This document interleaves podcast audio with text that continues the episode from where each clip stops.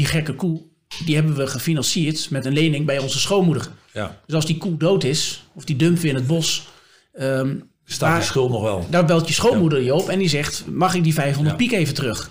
En dat is spaargeld in een samenleving. Ja, welkom bij de Bots Podcast. Ehm, ja, we zijn hier met een hele bijzondere gast weer vandaag. Zijn we niet meer free speech? Zou- we doen hem even over. blijf- nee, Ja, nee, je even. kan gewoon doorblijven. Ja. Dit is de Free Speech Podcast. Arno, dat is erg belangrijk. Yes, yes, yes. En, eh, ik noem zijn naam al. eh, Arno Wellens, eh super mooi dat je erbij bent eh, vandaag.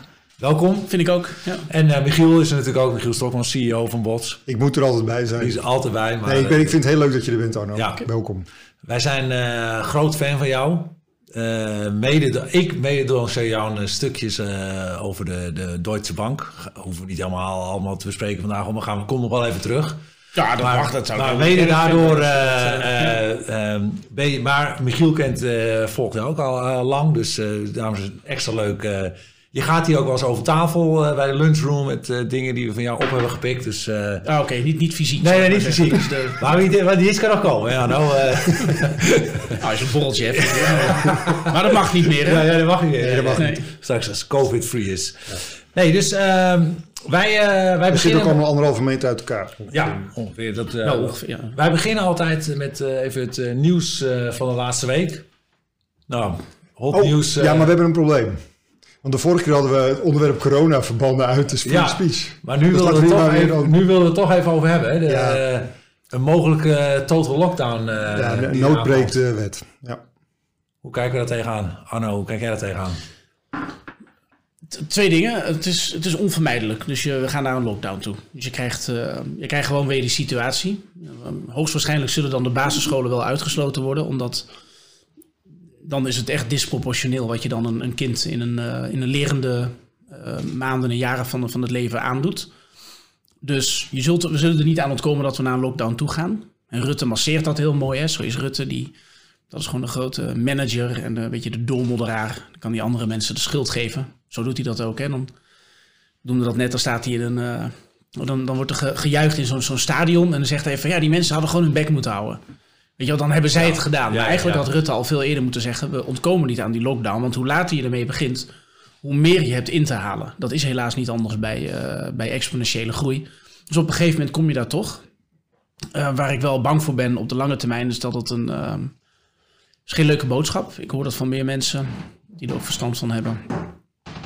Dat je de. ehm, dat het een vrij hopeloze zaak is.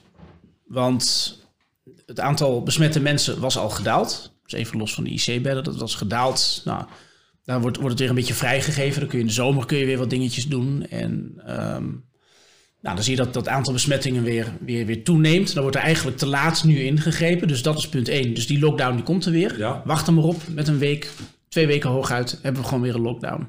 Dus bereid je er ook mentaal op voor, ook voor je luisteraars. Leuk is het niet, maar daar gaan we he- heen. Alleen daarna, dan, je kunt dat nog maar twee maanden vasthouden bijvoorbeeld. Want we gaan van iedereen het kerstdiner en het oud en nieuw vernielen.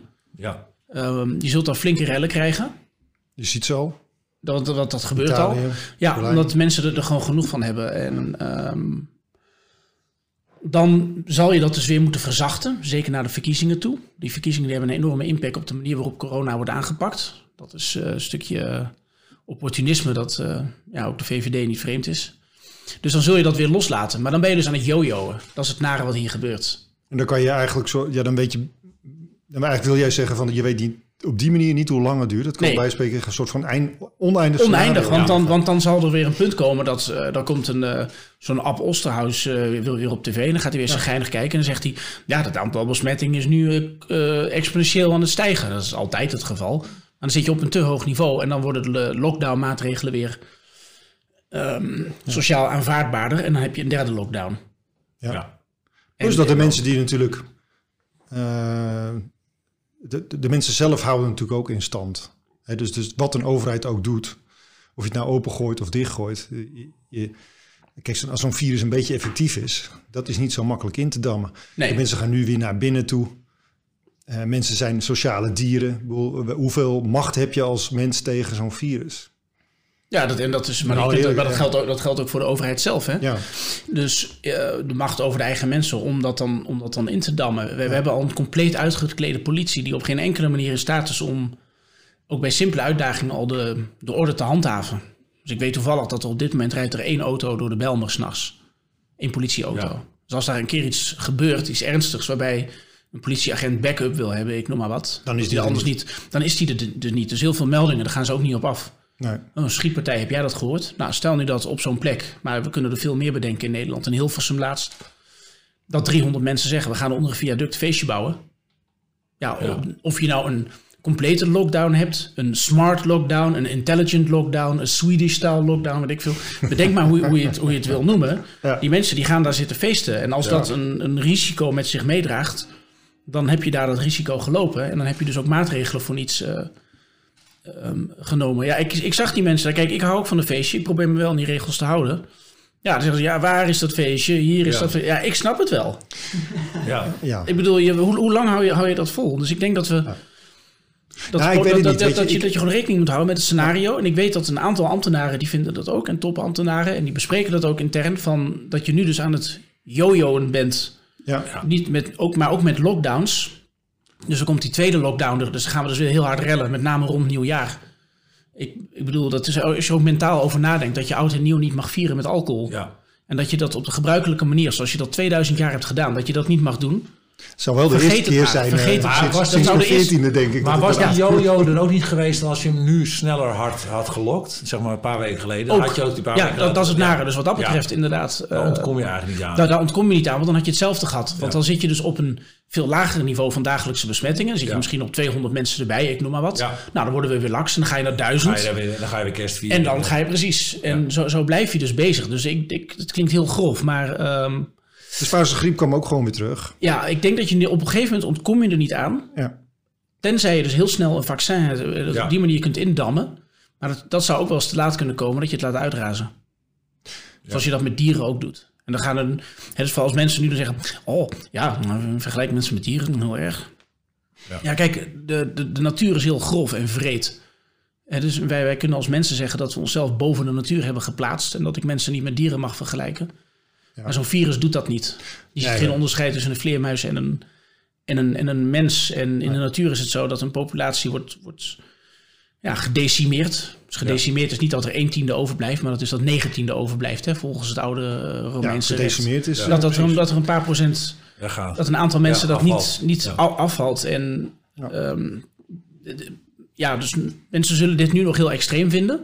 Dus eh, als ze dit luisteren, dan zullen ze vast bij jullie de, de brandbommen naar binnen eruit te doorgooien. Ik zal niet zeggen waar, dit, waar deze studio is. Ik weet niet of ze ons eh, nu gelijk met jou identificeren. Nee, laten we het precies. Ja, je, ja. je zegt Nou, het eventjes voor de zekerheid. Het zou, dat, het zou, eh, het zou zo kunnen gast. zijn dat, dat mensen... Het is natuurlijk wel lastig in een eh, tijd van, van slecht luisteren naar elkaar... en, en soms weinig begrip voor elkaar... dat, dat de gast gelijk ook de, de, dat de ontvanger de gast is, zeg maar. ja, ja, precies. Dus, de, Ja. ja. Maar, nou ja, Dus, dus, bij deze, het komt wel eens voor dat we het niet altijd eh, eens zijn met Arno... of dat we niet eens Nee. weten wat Arno nee, vindt. precies. Dat is ook zo. Ja, Nee, dus, dat komt zomaar eens voor. Maar daar houden wij Dus van. Dit zijn een mijn eigen woorden. kanaal, Ja. dus... eh, ja, precies. Ja, je, je, daagt Ja. me uit. Kijk, dit zijn Ja. mijn eigen woorden. Ja. Ik heb het zelf gezegd. En dus voordat mensen boos worden. Ik zeg enkel dat... ehm, op het moment dat de eerste lockdown, de eerste dag van die lockdown er was... toen zat Nederland in een crisismodus. Ja. En daar zijn we nooit meer uitgekomen. Ja. Want er zit, zit een constante dreiging boven je hoofd dat die lockdown terugkomt. Ja. En dan komt die terug. En dan maakt het voor je gemoedstoestand niet eens zoveel uit. Of je, of je daadwerkelijk nu al in die lockdown zit. Of dat je nu al weet dat die er over twee weken is. Klopt. En die constante dreiging, die constante negatieve impact op jouw gemoedstoestand. heeft er niet voor gezorgd dat het virus nu geen bedreiging is. Dus als je heel eerlijk bent, dan moet je constateren dat de afgelopen acht maanden. dat er niets is bereikt. En daarom zeg ik, dan vraag ik me af. hoe lang ga je hier nog mee door? En hoe lang zal een samenleving accepteren dat ze. dat die constante dreiging boven het hoofd hangt? En dan, naarmate men daar steeds meer Ja. fed up mee is. en er steeds meer rellen zijn. Zal men steeds meer denken van wat is eigenlijk het alternatief? En dat is het uit laten razen. Ja. En misschien is dat nu nog vroeg om het nee, daarover te hebben. het is- het is- maar ja, er, komt, een, er komt een punt, en het, het is, ook dat is exponentiële wiskunde. Dat, dat het, het being fed up, dat neemt ook exponentieel toe. Ja. Kijk, iedereen weet dat je uiteindelijk moet je naar rationalisatie toe gaan. Hetzelfde geldt voor, eh, voor andere ziektes die heel erg zijn. Laten we zeggen de nummer 3, 4, 5 doodsoorzaken in Nederland. Ja. Ehm, Hart- en vaat. Hart- en vaatziekten. Kijk, ook daar kiezen we voor een bepaalde mate. eh, hè, dat, dat, daar staat zoveel geld voor. Er zijn zoveel artsen en er is een eind aan. Ja. En, ehm, eh, dat, en dat uiteindelijk, hoe je het ook went of keert, daar hoeven we helemaal niet over te beslissen. Dat gaat vanzelf. Want je, je, je loopt gewoon de fuik in, waardoor je op een gegeven moment dat moet gaan beslissen. En in Nederland is het zo dat er nooit een beslisser hoeft te zijn. Hè? Dus er gaat gewoon heel veel actoren, die spelen daarin mee. Ja, precies, En die uiteindelijk komt het uit ja. op een tonnetje of vier of zo. Of, of, Ja. of eh, 80.000 euro of 40.000 euro. En daarna dan, eh, ja... Je, Dan, je kunt het nu iets, eh, ja. ja, zo is dat. Je, kunt, het, het je kunt het gewoon. nu iets duurder laten zijn, de mensenleven, omdat de rente relatief laag staat. Ja, zo Dus je zou dus je zou nu, ehm, om, om een aantal mensenlevens te redden, Ja. Want dan moet je er maar gebruik van maken Ja. dat, de, dat de Het rente laag prijsmodel, staat. prijsmodel van een huis. eh, Ja, prijsmodel, dat zou- discounted cashflow methode voor een aandeel, die laat je. Ja. los op een mens. En als je zegt, nou, we willen nu bijvoorbeeld 10.000 mensen het leven redden door ze te behandelen. Ja. Maar we hebben dat, dat geld nu niet op de plank liggen. Nou, dan kun je het lenen, accepterende dat je een lage rente hebt. En dan smeer je het uit over 50 jaar. Dat, dat zijn beslissingen die. En het, het klinkt heel grof. Mensen zeggen: Ja, maar wacht eens even. Een mensenleven, dat is toch oneindig veel waard? Nee, dat is het niet. Nou, Dat ik is politiek correct mensen- om te zeggen, maar zo, ja. zo werkt het niet. Ik ben, ik ben het met die mensen helemaal eens. Alleen het probleem is, we hebben maar zoveel geld. Wij zijn Ja. nu bereid, eh, de politiek zo bij elkaar in democratie zit ongeveer 7. Dat groeit naar volgens mij 8% van BPM. eh, of van de staatsuitge... Nee, dat is BPM, denk ik. Eh Ik, geven ik wij weet niet uit... hoeveel auto je hebt, maar. Nee, dit- volgens mij geef je iets van... eh, eh, bij een BPM van 800. BBB ja. BBB, Sorry, ja, Bruto ja, nationaal ja, product, ja, eh, BBB. GDP zeg ik altijd. excuus. En ehm, eh, ja, dat is wel een goede auto trouwens. Dan heb je, ja, daarom. Ik weet niet bij. eh Wauw. Nee, die, eh, maar goed, de, die, de, dus wij, wij, zijn een, wij zijn best wel bereid om wat eh, uit te geven Ja. aan de gezondheidszorg. Maar ja, laten we zeggen, dat is geen 1 Nee, 10. nee. Nee. Maar je zou dat nu relatief hoger kunnen laten zijn. Ja. Dus wat je zou kunnen doen, en dat is een, een, een, een misschien laat ik maar een voorstel op tafel leggen. Ja, doe maar. Ehm, we laten het virus uitrazen. We gaan binnen de grenzen die er toch zijn, beperkingen met betrekking tot zorg. Hè, de beperkingen in de zorg, die zitten niet in gebouwen en in eh, techniek en weet ik wat. Dat is mensen. Ja. Dus als je, eh, je kunt een verpleegkundige kun je, of een dokter, kun je ook niet eh, binnen, binnen een, eh kunt niet binnen acht maanden halen. LOE-cursus Nee. geven. Nee. Dus wat we kunnen doen, ehm, we gaan de staatsschuld met 20 miljard euro verhogen. Dat Maar gaan we ook Arno, niet met de ga- Europese... Ik ga je nu al onderbreken. Dat is toch wat we aan het doen zijn nu? Ja. Wij gaan het beperkt Nee, maar extra. uitrazen. Extra, Oh, maar we, we gaan dus niet de, die gevolgen. Nee, maar kijk, dan kun je ook weer open. Hè? Dan kun je zeggen, nou, ehm, hè, want nu worden bedrijven, die, die worden bevroren bij wijze van spreken, zo heet dat. Hè? Dus je gaat gewoon drie maanden dicht, ik noem maar wat, er wordt over gesproken. Een restaurant en daarna mag je weer open. Maar je had het restaurant ook gewoon een omzet kunnen laten draaien. Wat we kunnen doen, is dat we ehm 20 miljard euro lenen. En dat geven we contant, belastingvrij, aan iedereen bij het verplegend personeel in Nederland. En dan, dan mag je, het ook, mag je ook, ook wat verder gaan. En dan zeg je, sorry eh, lieve verpleegster of verpleger. Ehm, hier is 200.000 euro. En dat is, eh, dat is natuurlijk hartstikke leuk voor die. Maar, maar, het- maar het Maar wat- maatschappelijke dus- nut daarvan is... Dat je dan eh, niet in een lockdown hoeft. Dus gewoon, ik leg dit gewoon nu... Maar daarmee krijg je extra capaciteit. Nee, dan, op korte termijn niet. Nee, op korte termijn zul je die verplegers, die zul je toch moeten afdraaien. Weet je Maar, nu, maar krijgen ze niks. Hè? Maar nu, Ja. Want Nee, krijg- dat- nu, maar nu krijgen ze niks. Dit is een Ja, maar elke. Franse eh, verpleegster en arts die gaat dan in Nederland zitten. Ja, moet Frankrijk dat ook doen. Ja, Ja. En, dat is, dat is- en desnoods helpen we andere landen om dat te... Ja. Maar als je dan een eurobond uitgeeft en je zegt we hebben één gemeenschappelijk belang, ja. Dan, dan zit het hier. En dat is ons gebrek aan zorgcapaciteit. Ja. Ja. Dus, want, want, want nu, wat, kijk wat er nu gebeurt. Nu wordt er gezegd, nou, de horeca, die wordt dan half dicht eh, eh, gewurgd. Dus die gaat alsnog kapot. Ja het dus- kost evenveel geld wil je Het, eigenlijk het kost uiteindelijk evenveel zeggen. geld. Ja, Kies dan voor de positieve oplossing. Voor de positieve oplossing. Ja. Maar de, de zorghelden, zoals ze nu heten, die krijgen er onder het huidige regime, ze krijgen er niks bij. Nee. Nee. En uiteindelijk heb je het virus ook niet onder controle. Maar je maakt wel je economie kapot. Nou, het laat, een laat, het, laat, het, gedachte. laat het Ja. dan uitrazen. Ja. Dan kun je die bedrijven weer gewoon hun geld laten verdienen. Ja, nog weet je wat? Eh, ja. En, ehm, en dan, dan geef je gewoon een paar ton aan elke verpleegster. En dan zeg je, sorry, de, het, het is niet anders. De last van het virus, het is een medisch probleem. Ja. Het komt op de schouders van het, van het verplegend personeel. Nou, dan krijgt elke neus drie ton. Maar twee je, ton. je zou kunnen stellen dat eh, als je nu kijkt naar uh, hoe coronapatiënten worden behandeld, dat de, het, het uiteindelijke risico al relatief goed onder controle is. Hè. Ze weten best, dus je, eigenlijk stel je dan, als er voldoende personeel is en voldoende faciliteiten, dan is de, de impact op de gezondheid, behalve dan die kosten, maar die is te overzien. Ja. Want het is niet zo dat uh, mensen echt bij bosjes uh, over te, komen te overlijden. En dat daalt ook, voor zover het al het geval was, daalt het ook, want we weten steeds beter hoe we dat kunnen voorkomen. Dat mensen echt komen te overlijden. Ja, ga, ga, gaandeweg, gaandeweg leer je er steeds meer over. Ja. Maar we leren ook meer over gedrag. En dat is dat mensen scheid hebben aan de regels. Ja, ja. ja dat is lastig. Ja. We, gaan, we, we ja. moeten deze even, want we hebben een uh, schemaatje te volgen. Ja, want we dus, zouden het niet over corona ja, hebben. Had ik nee, nee, nee, nee, we mochten dit keer over corona We hebben uh, we gaan straks, uh, we, zijn, wij zijn al redelijk de diepte ingegaan. We, gaan, maar, we hebben altijd een licht elementje in deze show. nog diepere broek. En misschien is het leuk, Michiel, als jij bestand, begint met de eerste vraag en als licht elementje. gewoon even de kijkers in onze community. Wij hebben een grote community, ik weet niet wie dat al wist. Uh, deze van, van, users, van mensen die onze app mm -hmm. gebruiken. Maar wij hebben ook een, een, een, community op Discord. Hele fanatiekelingen. Ja. Die ons alle heel erg volgen en ook met ons meedenken. Die vinden dit ook altijd erg leuk. Ja, nee, ik, ik groet u alle acht. Ja. ja. Hij is hoeveel, hoeveel, hoeveel zijn het? Ja, het zijn er zeven. zeven. Ja.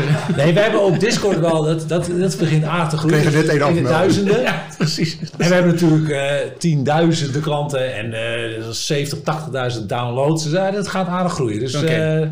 Nee, dat had ik al wel gezien. Ja, dat, nee, oké. Okay, nee, maar kijk natuurlijk wel even waar ik binnen loop. Eerste vraag gekregen. Ja, vraagjes. Ja. Wat nee, is je favoriete boek?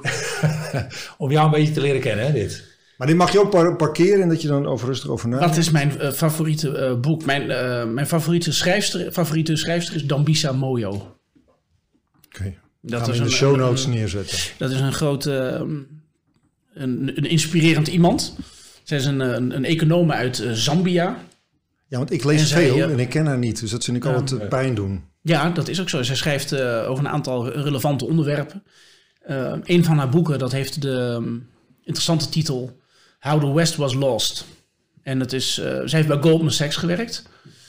En zij, zij kijkt als, als wiskundige, als econome naar bepaalde problemen die er in het Westen spelen. En dat is de langjarige neergang. En daar word je niet blij van als je erover nadenkt. Maar door een aantal beleidsmatige keuzes zit Europa, de Europese Unie, in, in, in de herfst van zijn leven. En je moet dat weer uh, nieuwe energie inbrengen.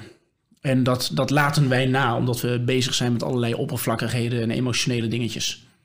Ja. ja. En, ver, en, verkeerde, en niet investeren in infrastructuur, niet in, niet in onderwijs enzovoort. Nee. Uren doorbrengen aan stomzinnig vermaak. Tot, voor, het, tot kort voor corona ja. was het ook uh, ontzettend saai. Dus er waren allemaal mensen die, het was zo goed, alles liep zo lekker. Dat, je maar dat, dat ging het dus niet. Nee, dat, dat zag je dus al als je ja, dat, dat, zit dan, dat is dan een onderstroom die eigenlijk niet voor de mensen direct zichtbaar is. He, dus het is een soort... Uh, het Shamar, ik ben even zijn voornaam vergeten, die heeft het ooit bij uh, Buitenhof gezegd. Die zei van, het, het is, iedereen is wat ouder geworden. En iedereen, het, de misdaadcijfers, alles daalt. Hè? Wat er, dus de, de misdaadcijfers mm -hmm. dalen, helft groeit. Uh, mensen hebben mogelijkheden. Uh, emancipatie komt steeds beter. Maar uiteindelijk is dat... Dat vind ik slecht nieuws hoor. Emancipatie. Het is free speech. Geintje. Ja, het is free speech. Ja, ja. Ga, ga, daar straks nog even lekker op door. Maar dan zeg ik wel even... maken. Nee, maar goed, maar dan Bisa mooi, dat is ja. Hey, voor, voor de, de, nee, maar de, ja, ga door. Maar goed, wat hij zei, het, als het iets heel saai is, dan kunnen mensen natuurlijk niet tegen. Dus dan moet er iets komen. Ja, maar kijk, die saaiheid. Ik kijk, er is niks met, mis met saaiheid. Er zijn um, saaie instituten of sectoren in de Europese Unie of in Europa die gewoon goed functioneren en daarom saai zijn. Ja, dus ik, ik zeg ja. dat wel eens vaker. Als je het Finse bankwezen ja. vergelijkt met het Italiaanse bankwezen. Ja. Kijk, in is Finland dat is, dat, in, dat, dat is financieel journalist zijn is daar zo saai. Ja. Er gebeurt helemaal niks. En in Italië je zal, je zal bijna denken dat de kogels om je oren. Dat zijn de mooie verhalen. Dus mijn eigen boek staat ook meer vol met dingen die in Italië misgaan dan in... Uh, zal bijna denken dat het iets met de volksaard te maken heeft. Um, ja, het, het, het, het, heeft te maken met een aantal dingen. Het heeft te maken met geschiedenis. Het heeft te maken met beleidsmatige keuzes. Ja. Je kunt als samenleving dingetjes goed regelen. Ja. En als je dat een keer hebt gedaan, dan is er sprake van iets dat op orde is. Dat financieel een goede basis heeft. En dan kun je achterover zitten. Dan kun je zeggen, oh, ik heb mijn muur geschilderd. Wat ziet mijn muur er mooi uit. Maar alleen wat er in Europa gebeurt is dat uh, de gemiddelde autochtone Europeaan dat hij op zijn lauren gaat rusten, dat hij achterover gaat zitten. Terwijl er onder de kieren, eh, dus achter de, achter de façade, zijn er heel veel dingen die helemaal niet goed gaan. Zoals de vergrijzing, daar zijn geen voldoende buffers voor opgebouwd.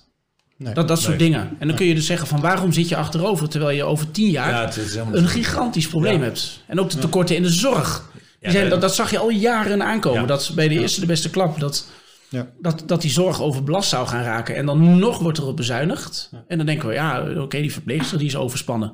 Ja, dat, Ja, dan, dat dan, dan, dan, dan. Maar dat dan, kijk je daar niet naar. En dan, Ja. totdat het in je gezicht raakt. En dat is wat dan Bisa Moyo zegt. Van het, het, het Westen heeft dus een soort, een soort inderdaad achterover zitten gedrag. Complacency. Ehm, en dan worden de dagen gevuld met stomzinnig vermaak. Ja. En met, met druk maken om allemaal dingen die er helemaal niet toe doen. Ehm, en ehm, daardoor ben je niet voorbereid op crisis. Echt, ja, nee. En ik, Ja. ik, vind, ik vind daar, Dat zij, wel, ja, ja. zij is zeer inspirerend. Ja. We hebben het net al even over de horeca gehad. Favoriete restaurant van eh Arno Ellens? Eh, jeetje, nou de Febo. Ja. Weet je alles wat je krijgt.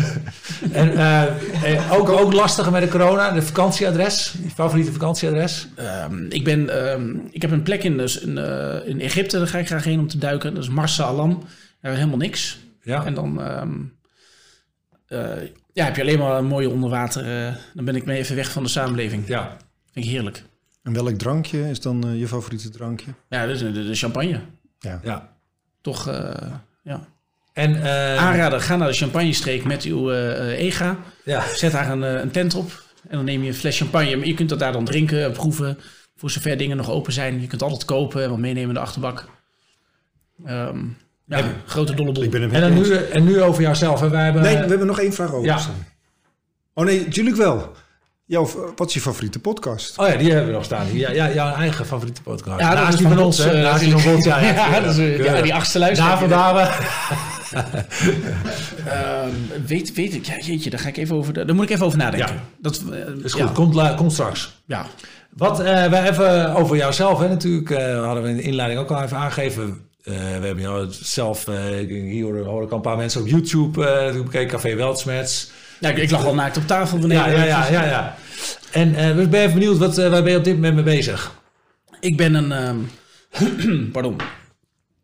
Ik ben een. ehm, ehm, ik ben een nieuw boek aan het maken. Even tussendoor, knip je dit Ja. eruit? Of, eh? Sorry, ik zit even te kuchen. Ja, Ik verslik me in mijn water. ja nee, rustig. Knip het er maar uit. Ehm, ik ben een eh, nieuw boek aan het maken. Eh, tenminste, mijn vorige boek heet Het Euro-Evangelie. Ja, ja, met als ondertitel Aan de vooravond van de nieuwe crisis. Ehm, ik heb daarin wel geschreven dat, dat er een probleem aan zat te komen. En dat China de oorzaak van de nieuwe recessie zou zijn. En dat is uitgekomen. Dus nu is de, de prangende vraag: oké, van nu zitten we dus in die recessie. En wat moeten we dan doen? En ik dacht dat ik iets meer tijd had. Ik had niet gedacht dat China ons dit zo snel zou aandoen, om het zo maar te zeggen. Want het is gewoon een Chinees virus. Je tegenwoordig racist als je dat zegt, maar dat is gewoon een Chinees Ja, virus. je zegt ook aandoen. Dus dat is, er is er een soort eh, bewuste schuldige. Nee, er, er, is, er, is geen, er is geen bewuste schuldige, dat absoluut niet. Laat me, laat me even, ehm, wacht, laat me naar dit punt dan eerst maken, Ja. voordat dat misverstanden geeft. Want, ehm, kijk, China is de, is de zwakke schakel in de wereldeconomie op dit moment. En dat komt omdat ehm, dat land gigantische handelsoverschot heeft. Dus er wordt altijd wel eens wordt altijd gezegd van ja, vrijhandel is goed en eh, liberalisering en globalisering enzovoort. Het gevolg daarvan is dat je je Europese eh, producenten standaarden oplegt met betrekking tot eh, dierenwelzijn, eh, milieu, eh, arbeidersrechten, ehm, ehm, noem het maar op Ja. Die geld kosten. die geld kosten en die producten duur maken. En dan hebben we altijd gedacht, nou, als we dan die fabriek in China neerzetten, dan daalt hier de CO2-uitstoot bijvoorbeeld. Dus wij, zien het, wij, denken, wij denken echt daadwerkelijk dat wij het klimaat nu helpen door CO2-heffing in te voeren bijvoorbeeld. Al die klimaatplannen, het is echt ja, totale economische Je zelfmoord. verschuift het. Je verschuift het en vervolgens moet je goederen die je in China maakt, moet je met zeeschepen hier naartoe brengen. En als je dat vervoert, wa- wat gebeurt er dan? Nou, dan krijg je CO2. Ja. Dus je vergroot de CO2-uitstoot en je vernietigt je eigen economie. Ja. Ik vraag me altijd af waarom dat, dat wordt gedaan. Eh, Nederland heeft nu een handelstekort met China van 30 miljard euro per jaar. Dus elk jaar zijpelt er 30 miljard euro naar China. Vanuit de hele Europese Unie en, eh, en vanuit de, Euro- de Verenigde Staten van Amerika elk is het Ja, ongeveer voor het begrip 200 van de luisteraar, een, eh, een, een, land met een handelsoverschot betekent dat je meer producten pro- goederen produceert. En verkoopt. Dan, dan, En en verkoopt, en daar geld Ja. voor ontvangt, dan Ja. je invoert en Ja. daarvoor betaalt. Juist. En als het in eerlijke handel, dan, dan zouden je handelstekorten, zal, je handelsbalans is ongeveer nul. Ja. Dus dan zeg je, nou, het ene land maakt kaas ja. en het andere land maakt dan wijn bijvoorbeeld. Ja, dat is een precies. klassiek voorbeeld. Ja, ongeveer Ja. dezelfde standaarden. Dus bijvoorbeeld biokaas, biowijn, iets Ja, precies. Maar je spreekt een beetje af wat je mag doen. En zo is de theorie van de vrijhandel begonnen. Alleen die theorie van de vrijhandel, die komt uit eh, 1776 van Adam Smith. Ja. En ehm, een boek van Wealth of Nations. Ja, wij geven dat boek vaak Wealth weg of als een Nations. cadeautje. Wees, Ja, inderdaad- goeie, lees dat, lees dat vooral. Want heel veel VVD'ers doen dat niet. Daar is de, theo- de, de- de ideologie van de vrijhandel vandaan gekomen. David Ricardo, 1843. ehm, eh, die, die is daarop doorgegaan. eh, comparatieve voordeel. En het idee is dat twee landen ander weer hebben. Dan moet je gaan handelen. Dus dan maak je wijn maak je in Portugal en doe je niet in Engeland. Ja. Het waren ook Britse schrijvers toevallig allebei. eh, Dus Adam Smith en David Ricardo. En ze gebruiken het voorbeeld van Portugese wijn. Omdat in die tijd hadden Frankrijk en Spanje, waar wijn vandaan komt, die hadden al altijd oorlog met Engeland. Dus het gebeurde heel vaak dat die Britten niks te zuipen hadden. Dus gingen ze, Dat geeft een probleem. ja, dus hebben ze zelf heel ranzig bier ontwikkeld. Als er dan, hè, van zo komen dan de oorlog door. Hè, de, de corona van die tijd. En op een gegeven moment is iemand zelf begonnen met wijn maken onder die eh ja, labbekakkerige Britse zon. En toen heeft men bedacht van nee, we moeten hele goede relaties aangaan met Portugal.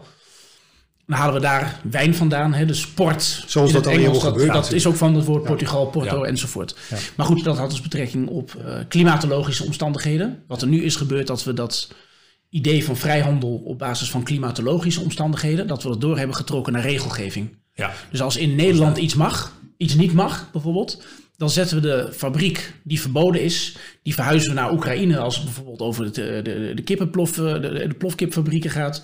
En de rest verhuist naar China, want dan heb je Oeigoeren. Zet je een pistool tegen het hoofd, werken ze gratis, eh, hartstikke top. Nou, dan kun je in Nederland met je minimumloon kun je daar niet tegenop. En wij hebben dat normaal gevonden.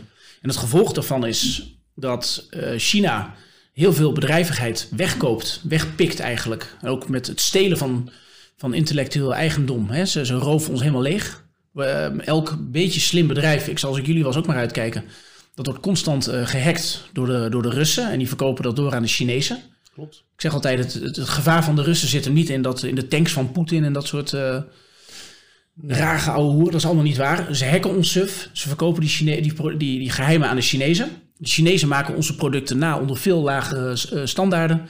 Verkopen het hier en duwen onze bedrijven uit de markt. Het gevolg daarvan is dat ze elk jaar een handelsoverschot hebben van een paar honderd miljard euro met westerse democratieën. En ze bouwen een machtsbalans op. Ja. En de keerzijde daarvan is dat die, die overschotten die zij hebben, en dat is een, een logisch gevolg van als jij constant, uh, als, als, als Nederland heel veel schulden opbouwt, eigenlijk elk jaar bij China, tekorten, dan, en, en wij hebben dus per saldo daarom een schuld, ja, dan heeft China een overschot. En wat China doet, is dat ze dat weer terug uitlenen aan het Westen. Dus er komt een kapitaalstroom uiteindelijk weer terug. Dan kopen ze onze bedrijven en dan willen ze daar macht hebben. Of eurobonds. Ja. Uh, eurobonds bijvoorbeeld. Dat is, ook een, uh, dat is ook een groot gevaar, want dan kunnen ze de Europese Commissie onder druk zetten. Um, en, ze kunnen, uh, en Chinese banken kunnen ook gewoon direct leningen verstrekken aan Europese bedrijven. Het is ook geen toeval dat Nout Welling bijvoorbeeld bij een, Chinees, bij een Chinese ja. bank is gaan werken. Het, het, het eigenlijk te schokkend voor woorden dat hij dat ja. heeft gedaan.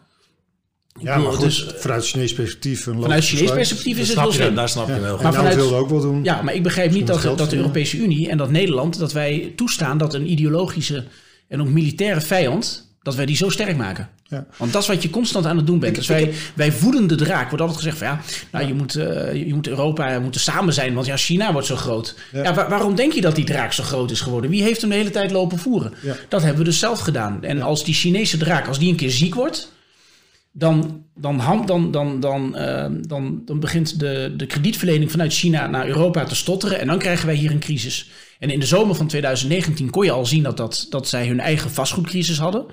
Dus ze hebben eigenlijk wat Lehman Brothers heeft gedaan. Dat hebben de Chinezen intern bij zichzelf gedaan. En er begonnen al Chinese banken om te vallen, hulp te krijgen. Nu valt dat niet meer op door corona, want je kunt nu zulke draconische ja. maatregelen nemen dat dat niet meer opvalt. Ja. Maar dat was al aan de gang. En China die zou hoogst, hoogst, hoogst waarschijnlijk in 2020 of 2021 gewoon uh, door het hebben van een economische cyclus zoals het Westen die heeft, die krijgen zij dan ook. He, dus met een veel te optimistisch bankwezen. En dan zouden ze ons sowieso ook in een recessie hebben uh, gestort. Het, ehm, het grappige is dat... Lo- Los van dat virus. Ja, ja, Lang, lang antwoord op je vraag, sorry. nou, dat is goed. Ja. Want, eh, ik, had dus niet, ik had dus niet Ja. gedacht dat dat virus het zou doen. Nee. Of dat iemand met die, eh, met die vleermuizen bezig ging en weet ik veel, al die ranzigheid. Dat had ik echt niet voorspeld. Iedereen die zegt dat hij dat had voorspeld, die is knettergek. Ja. Ehm, maar die afhankelijkheid van China, een land dat niet transparant is, onze ideologische vijand, en dat gewoon een economie heeft die ziektes laat zien, ja, dat was al lang duidelijk. Wat is, wat is je oplossing daarvoor? handelstarieven, handelsmuren opstellen eh, en de internationale handel schade en eh, globalisering terugdraaien. En ik maak nu ehm, helemaal eh, heel weinig vrienden. Maar Ik ken wel een medestander van je. ja, Ja, eh, Trump, die denkt er hetzelfde over. Ik denk dat trouwens de Democratische Partij ook in... ja in de maar de, de- kijk, je hebt een. de- Oké, Trump dat is interessant, want Trump die ziet dit ook, hè? Ja, tuurlijk. En, en hij, heeft ook, hij heeft ook gelijk, want als je hiermee doorgaat, dit is helemaal, dit is, dan kun je zeggen, oh ja, ik, ik heb een goedkoop snoertje bij de Action gehaald. Maar ze, ze hebben die, die, die, die, die patenten en die dingen, die hebben de Chinezen gewoon geroofd. Dus door dit zo door te laten gaan, en dat is waarom Trump dit doet, ehm, beschadig je de bedrijven die die producten hebben ontwikkeld. Ja. En je begunstigt je ideologische vijand en een communistische dictatuur.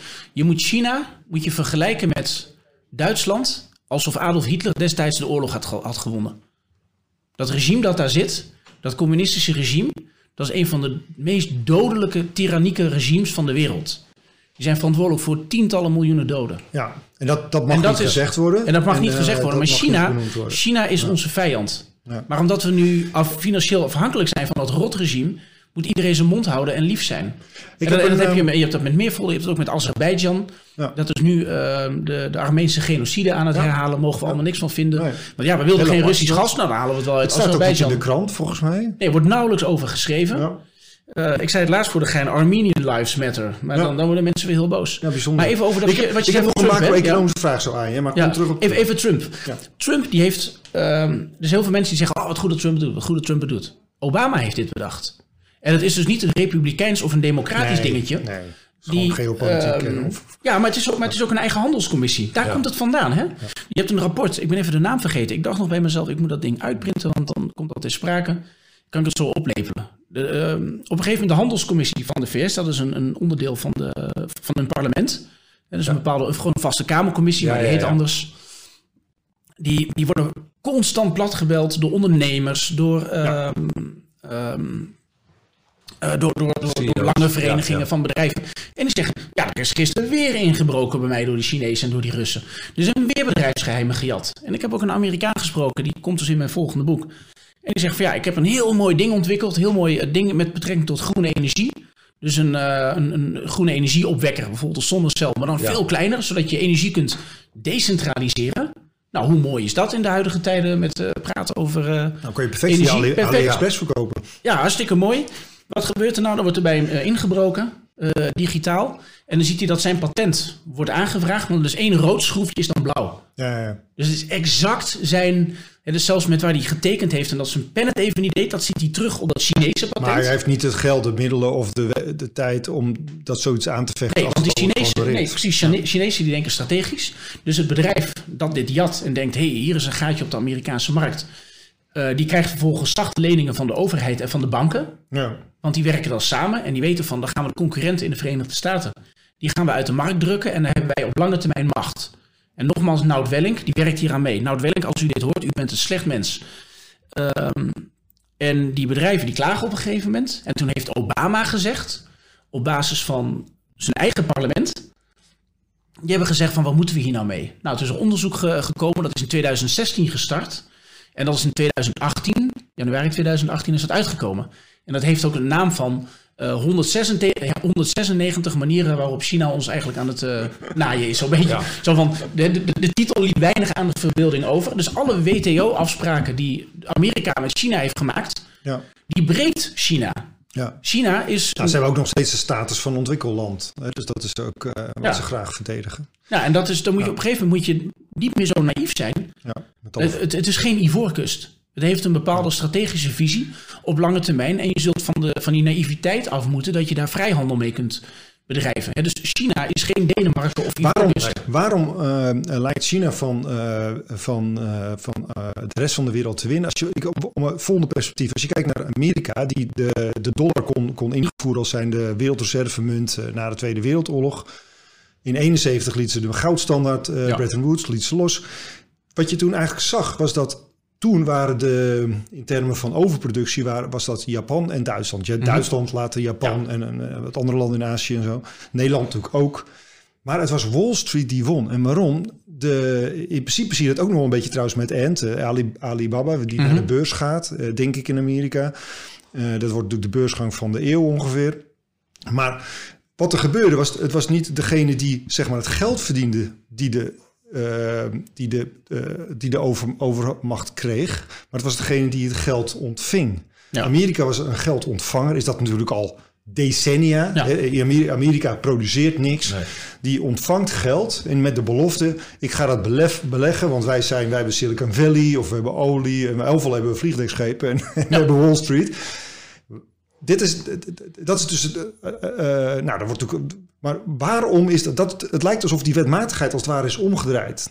Hè, dus, Ja. dus- Dus nu was China heeft nu dus de, die, die plek ingenomen. En kijk, een leuke statistiek is bijvoorbeeld die, die handelsbalans die ik net noemde. Dus op een gegeven moment als, als jij veel minder verkoopt dan dat je eh, uitgeeft. Hè, Griekenland had zo'n situatie, maar Amerika Ja. is ook zo'n land. Dus op een gegeven moment bouw je een schuld op bij een ander land. En dan heeft dat andere land de vordering op jou. ja, Nou, de, de, de, totale... ehm, was bij China natuurlijk ook Ja. ontelbaar, is die ho- hoog. ja, China heeft nu net zo'n grote vordering op Amerika Ja, als Duitsland en Japan dat hebben. ja. Dus op een gegeven moment na de Tweede Wereldoorlog, inderdaad, wat je zei, nou, dan, eh, dan is dat dusdanig afgelopen dat, eh, dat twee rivalen eigenlijk voor de macht van Amerika, daar waren een soort vassalstaten geworden. Dus er was geen twijfel meer over mogelijk. Dat, Dat, is natuurlijk een groot verschil. Ja, en nu zit die positie, die zit nu dus bij een land dat kernkoppen op jou heeft gericht. En Amerika En had de kernkoppen in Japan en in Duitsland. Dat waren Hey, wat dan- Amerika, wat- dus dat was gewoon NAVO. Dat was eigenlijk gewoon NAVO, Eigenlijk- precies. Ja. Dat is het grote verschil. Want kijk, anders zou je zeggen of, of de macht nou bij Amerika ligt of China. Maar dat is het grote verschil dat je daar een, eh, een dictatuur hebt. Ja, eh, precies. En dat is het. En dat is exact inderdaad. Dus als je over die monetaire gebeurtenissen en die, die, die ehm, en ook die, die, hoe heet het nou, die globalisering, als je daarover nadenkt. Ehm, ik vind dat de Europese Unie zeker, ehm, en in eh, Amerika in mindere mate, dat daar veel te naïef over is nagedacht. En nogmaals, ik zeg het nogmaals, het was, het was Obama die dacht, hmm, hier is iets aan de hand, we gaan daar onderzoek naar doen. En er zal ongetwijfeld gelobbyd zijn. Dus er zal in het hoofd van Obama hebben gezeten van dit is een probleem. Eh, op een gegeven moment ga je oorlog krijgen met China. Want China gebruikt ook dat geld om, eh, om een leger en een marine op te bouwen. Dat gaat een keer spanning geven. En ik denk dat als er een andere president als Hillary Clinton had gewonnen... in plaats van eh, Trump... dan had Hillary Clinton in januari gedaan. 2018... had ze dat rapport op haar bureau. ja. En dan had zij gezegd van wacht eens even... Ja. We, moeten, we moeten niet meer pikken dat we zo worden leeggeroofd. Toen, toen, dat is eh, wat er gebeurt. We worden leeggeroofd. Toen, eh, toen Don- eh, Trump begon eh, te refereren, en volgens mij was dat in april ergens, volgens mij hebben we het nog op een, een podcast staan. Toen dacht ik op een gegeven moment, hij gaat gewoon China dichtgooien. Hij begon zo vaak te refereren naar de, de, de Spaanse griep die, dan, Ja. eh, die we geïmporteerd en de China virus. En hij begon Ja. allerlei... En toen dacht ik, van, hij gaat hem gewoon, eh, hij gooit hem helemaal dicht. Maar dat heeft hij dus niet gedaan. toch? Niet, nee, niet, niet, niet helemaal. En, maar- maar kijk, dat is, dat is dus ook het vervelende. Ehm, het, is- het is typisch zo'n situatie, dan laat je het escaleren. Ja. En dan denk je, tien jaar, oh, ik had tien jaar geleden hier niet aan moeten beginnen. Maar als je dan die, die, dat, die geëscaleerde situatie, bijvoorbeeld te veel Chinese macht... als je dat er weer terug wil draaien, dan zie je dat dat terugdraaien niet op dezelfde eh, voet gaat. Ik vond een heel mooi voorbeeld wat dat betreft in Nederland met die mondkapjes. Blijkt dus dat Nederland niet in staat is om eigen mondkapjes te leveren. Dat ja, is eigenlijk best wel sneu als je erover nadenkt. nee, klopt. Nou, en dan kunnen wij... Oké, dus wij, wij worden hier nu dus met de neus op de feiten gedrukt. Nou, Kun je zeggen, nou, hoe moeilijk is het om die krengen te En maken? dan blijkt het Nou, uiteindelijk heel snel te kunnen. Hè? Als je Dat- toch ja, even, precies. eh, Maar Nee, dan maar moet je kunnen, dus... dan kunnen ze ook moet niet verkopen aan de overheid. Dus, dus, dus er zijn echt, ik heb ondernemers gesproken die zeggen, ja, maar ik kan ze zo maken. Alleen als ik een e-mail stuur, dan krijg ik geen antwoord. Of ik word, word gewoon weggewuifd. ja, maar ze moeten ge- geschikt zijn. Het gaat dus, dat is dus het stomme. Ze moeten dus geschikt zijn gemaakt. Dus hier, hier zie je de Europese Unie in de mist in gaan. Hè? Ik ben heel kritisch op de Europese Unie. Niet vanwege de geschiedenis of zo, maar omdat het verkeerd functioneert. Het- Als jij in, hier om de hoek woont en jij bedenkt een situatie die geschikt is voor Haarlem, dan moet jij er het rekening mee houden dat, die, dat het, het moet Europees worden getoetst. Ja. Ja. Dus eh, Zuid-Bulgarije, Ja. daar moet de gezondheidsdienst, die, moet, die zit ook in de interne Europese markt. Eh, en, eh, ehm, en Gibraltar ook, en weet ik veel. Overal moeten al die gezondheidsdiensten, die moeten zeggen, ja, nou, dit is een, dit is een geschikt mondkapje. Hè, want je, je produceert voor de hele Europese markt. En jij denkt dan misschien, nee, wacht eens even, ik ben een lokale ondernemer. Ik wil produceren voor het ziekenhuis in Haarlem. Ja. Dat mag dus niet. Maar de Chinezen, die hebben dit al lang door. Die, hebben, die begrijpen hoe die Europese wettenwinkel werkt. En hoe je als grote multinational heel snel ehm, procedures eh, aan kunt gaan. En eh, vergunningen kunt krijgen eh, enzovoort. En die, die, die channelen dat ook. Dus ze komen met het ene na het andere product. Dat meteen geschikt is voor de, voor, voor de Europese markt. Zij zijn gewoon Zoals professioneel. Manco. Zij zijn een professioneel. Hè? Maar een, die grote Europese of Chinese conglomeraten die gesteund worden door die banken met goedkope kredieten en een geopolitiek setje van de overheid daar waar het nodig is, Ja. Die zijn veel beter bedreven in het ontwikkelen van een product voor de hele Europese markt. Ja. Hè, want alles wat je wil doen is meteen voor de hele Europese markt. Ja. Je mag niet lokaal iets verkopen. Ja. Je moet aan Europese regels voldoen. Is dat die Chinese producenten, die winnen het altijd van de lokale kleine ondernemers uit Haarlem. Ja. Ja. Dat, Ja. dat is het afschuwelijke hier. Ja. Dus je bent het MKB, want dan kun je tegen het MKB zeggen van... oh ja, nou, eh, je kunt produceren voor de hele Europese markt. Ja, Ja. maar je, dan krijg je ook zo- zo- zo'n Ja. papierwinkel die, Ja, die erachteraan eh, Dat is natuurlijk een hobbel die eh, niemand komt. kan En nemen. ik, maar ik denk dat we, we gaan op een gegeven moment... gaan we die globalisering, die gaan we dus eh, terugdraaien. En dan moet je dus naar een situatie toe waarbij je zegt dat als een land... niet op gelijke voet ehm, opereert als jij... dus ook met, met bepaald respect voor... eh, ehm, voor, voor, voor regels, Ja. voor normen en standaarden, dan moet je die producten kunstmatig duurder maken. En dat was altijd al zo. En wordt er altijd het voorbeeld genoemd van ja, maar Arno, wat, wat stom voor jou dat je dat zegt. Want we hadden de Tweede Wereldoorlog, die was heel erg. En toen kwam de Europese interne markt, de Europese Unie als reactie daarop. En dat was een groot succes. Vind jij toch ook, hè?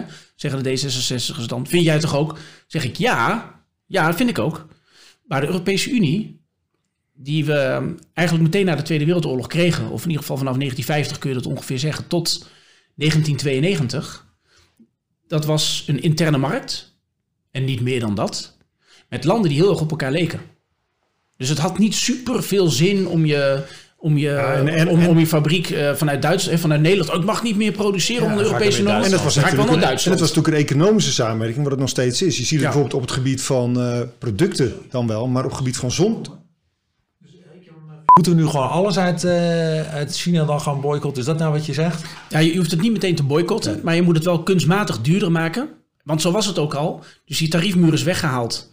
Handelstekort van eh, de Europese Unie in het jaar 2000 was 50 miljard met China. Nu is het verviervoudigd. Dat is het gevolg van het weghalen van die tarieven. Dus het is niet zo dat wij meer naar China gaan verkopen. Maar China neemt hier de macht over. Eh, met alle geopolitieke eh, en economische gevolgen van dien. Dan zeggen, dan zeggen mensen van, oh, je hebt iets tegen Chinezen, je hebt iets tegen Chinezen. Nee, dat heb ik niet. Je wil Het gaat ik- eerlijke handel. ik wil eerlijke China. handel met, Ja. een, met een land dat ofwel soortgelijke eh, economische standaarden heeft. Want dan is het ook vrij handel. Dan kun je zeggen, oké, hij werkt handig, Ja. harder. Ja. Dat- Maar dan kun je bijvoorbeeld met Taiwan. Taiwan is een soort China zonder die communistische overheersing. Ja. En dan zou je daar een vrijhandelsdeal mee moeten, eh, moet- moet- moeten doen. Dat je dat met Taiwan doet, met een democratie, waar de lonen ook hoog zijn. Ja, daar snap ik dat je vrijhandel doet. Maar dat je dat met een dictatuur doet, die slavenarbeid in- inzet, ja, dat moet je dus niet doen. Ja, Zo dus simpel het, is Dus het morele component, dat is eigenlijk begint een soort randvoorwaarde. Dat konden we altijd Ja. negeren. Maar het- we moeten eigenlijk zeggen van eh, nee, in deze wereld het is, het, moeten we daar gewoon aan. Daar moet je, ja, je moet, Ja, je, daar ja, moet je je moet daar wel over nadenken. Je moet stoppen met Ja, die, het is belangrijk met, om met die naïviteit. Ja. Vrijhandel is geen vrijhandel als je het met een dictatuur doet. Ja. Hey, dan gaan we, dat is heel duidelijk. Eh, we hebben nog, eh, we hebben natuurlijk allemaal het stuk, eh Ivan, daar heb ik gelezen van wat je ooit gedaan hebt bij de Café Weltsmet over de Deutsche Bank. Ja. Daar wou ik ook nog even over doorgaan. Want, Ja, hoor, daar, daar doe je natuurlijk, daar geef je eigenlijk een inzicht in eigenlijk de jaarrekening van in dit geval de Deutsche Bank, maar daar pak je eigenlijk ook andere banken gelijk mee. En daar geef je eigenlijk een inzicht in hoe desastreus dat er daadwerkelijk uitziet. Ja. Eh, Lang verhaal kort, ja. Ja. nee, maar nu wil, nu wil de Europese eh, eh, Unie die wil een bad bank creëren. En die wil ze op één hoop. Ja, dat, is, ze dat is een bijzonder logische eh, volgende stap. Ja, putje. Moeten we misschien heel kort even ja. zeggen, uitleggen aan de kijkers wat... Ja. eh, want jij geeft in de, bij de Ja. aan, aan dat in ieder geval de Deutsche Bank eh aantal een onderdeel, eh, de rot onderdeel in een bad komt Ja, precies. brengen, Dus, dus zo'n bad bank. Dus Ja. ik noemde dat in, in dat filmpje, dus deel 1 heb ik gezegd, nou, ik zei, het makkelijkste voorbeeld dat je kunt gebruiken is stel dat je naar je schoonmoeder gaat. En je zegt, eh, nou, hoe je haar ook aanspreekt. Even vanuit de, de, de hetero man met vrouw gedacht, die dus een schoonmoeder eh, eh, heeft. En je zegt, joh, mag ik eh, 500 piek van jou lenen, want dan ga ik een koe kopen. Ja. Die koe die gaat dan naast je bed staan en even een paar praktische dingetjes. En dan ga je melken en dan kun je de melk, daar kun je dan geld mee verdienen. De opbrengst van de koe. En daaruit kun je de rente betalen die bij de koe hoort. En als je dan meer betaalt dan de rente, dan los je ook af. En op een gegeven moment is de koe voor jou. Ja. Dat, dat is een beetje hoe het normale eh, verkeer werkt. Nou, Ja. banken doen dat ook. Dus eh, je bent een koe voor de bank. En dan zeg je, nou, dat is ook weer respectloos. Eh, we zijn de hele tijd respectloos bezig. Maar een, een volgroeid business unit van een bedrijf of van een bank bijvoorbeeld, dat noemen we ook een cash cow. Daar komt gewoon geld uit. Dus een keer ingegaan en er komt meer uit dan erin gaat. De BCG-matrix, precies. Nou, en bij hypotheken is dat bijvoorbeeld zo. Hè? Dus, dus jij neemt een hypotheek. Nou, heb je een Tegen bepaalde, be- tegen een bepaalde rente. Dan heb je een, een transactie waar, waar tegen dat is gebeurd. En dan moet je dus meer rente betalen dan eh, dat de bank moet inlenen. Ja. Of het de bank kost om het in te lenen, bijvoorbeeld bij spaarders. Dus de hypotheekrente is altijd hoger dan de spaarrente. Nou, klinkt heel logisch allemaal. Nou, Deutsche Bank heeft een aantal gekke koeien. Maar Deutsche Bank heeft dat het meest. Deutsche Bank is niet de enige. Dus ik ben vooral losgegaan op Deutsche Bank. Niet omdat ik eh, vind dat we nog een appeltje uit het verleden of iets te schillen hebben. Eh, als we toch die kant op gaan. Ja. Alleen de, ehm, de koers van Deutsche Bank, als percentage van wat het had moeten zijn, die is het meest schrikbarend van heel Ja. Europa. En die staat veel lager dan eh, andere probleembanken, zoals Crédit Agricole, Société Générale en Unicredit. Ja, want die hebben dezelfde problemen op de Die hebben balans, dezelfde hè? problemen. Ja. het is dus niet alleen Deutsche Nee. Bank. En wat je nou kan doen met zo'n bad bank, is dat je zegt: oké, je hebt dus een, eh, een bank. Hè, probeer die bank inderdaad als een koeienstal voor te stellen. En er zijn eh, gezonde koeien en die geven wat melk en dan kun je een bedrijf mee, eh, mee opbouwen. Nou, dan is ook de Partij voor de Dieren weer boos op mij. Dus ik maak alleen maar vrienden hier. Ja. Ehm, en er zijn er een aantal zieke koeien en die drinken melk. Die kosten meer melk dan dat ze opleveren. Dus als je die op de veemarkt wil verko- verkopen als boerteun, dan zegt de veemarkt van, ja, wat bent er voor gekke koeien of zo? Ja. Je kunt het niet verkopen zo, hè? Een rare beesten. Ja. Eh, wat je dan kan doen is dat je alle rare, gekke, zieke koeien, dat je die bij elkaar zet. En eh, ehm, dat je die dan ehm, ja, liquideert. Nu wordt de Partij voor de Dieren helemaal boos. Maar Ja. dat betekent eigenlijk dat je ze gewoon neerschiet. En, Ja. eh, en dat je zegt, nou, we accepteren dat er niks meer uitkomt. ja. En ehm, we vernietigen de karkassen en we zijn er vanaf. En dan heb je dus de, de overige 80% van je bank bijvoorbeeld. Die is, dan, die is dan gezond gebleven. En dan kun je daarmee verder. En dan kan Dan kan die je het ervoor MKB helpen. om die cliënten van de bank eh, te benadelen of de Europese belasting betalen. Ja. Juist, want dat wordt altijd, dat vind ik altijd heel leuk, als hier een discussie over wordt gevoerd, hè, wordt altijd gezegd van ja, nee, maar die banken hebben wij nodig voor kredietverlening en het betaalverkeer. Nou, ik zit hier bij een bedrijf met fintech dat laat zien dat dat gewoon totale onzin is. Die Ja. banken die kunnen hartstikke goed kapot qua betaalverkeer. Alleen dan zit je dus met, want als je dus naar die gekke koeien kijkt, die parabel die ik gebruik, in mijn voorbeeld, die gekke koe, die hebben we gefinancierd met een lening bij onze schoonmoeder. ja. Dus als die koe dood is, of die dumpen we in het bos, ehm, Staat de schuld nog wel. daar belt je schoonmoeder je op en die zegt: Mag ik die 500 Ja. piek even terug? En dat is spaargeld in een samenleving. Dus als je die bezittingen afboekt in die bad bank. Zo werkt het in een, in een economie met boekhouden, dubbel boekhouden. Ja, het bezit van de een is een schuld van de ander. Dus als Deutsche Bank hier een verlies op gaat nemen, dan zullen ze die spaarders moeten benadelen. En nu gaf jij nog aan, dat is voor mij wel belangrijk voor onze, als we het hebben over Ja. de community. Ik weet niet Of of, iemand anders, weten. In ieder geval, jij, eh, jij, jij gaf het aan in het stukje, is dat, eh, dat wij nu als Nederland verdragen tekenen, waarbij dus, mocht zo'n Deutsche Bank dus omvallen, Ja, wij eh, de rekening gepresenteerd krijgen. ja want inderdaad. Ja, want wat je net. De eh, Europese burger. Ja. de Europese burger. Want ja, wat je dus net terecht zei. Want helemaal anders kun je dat ook binnen één land niet op, opvangen, zo'n faillissement. Nee. Dus dat, dat er zo'n bad bank komt. En dat, er, dat die verdragen die worden gesloten. Ja. Kijk, ik vind het heel logisch dat dat gebeurt. Zeg maar vanuit mijn eh, narratief redenerend. Hè, dus dat er een, een koeienopkoop, een gekke koeienopkoopfonds, dat komt er Ja. eigenlijk. Ehm, dan kun je zeggen, is dat wenselijk? Dat is een tweede. Maar dat je dat doet en dat dat aansluit bij het feit dat er dus kennelijk heel veel gekke koeien in je economie zitten. Ja, dat is, dat is 100%, uh, dat, dat sluit daar 100% bij aan.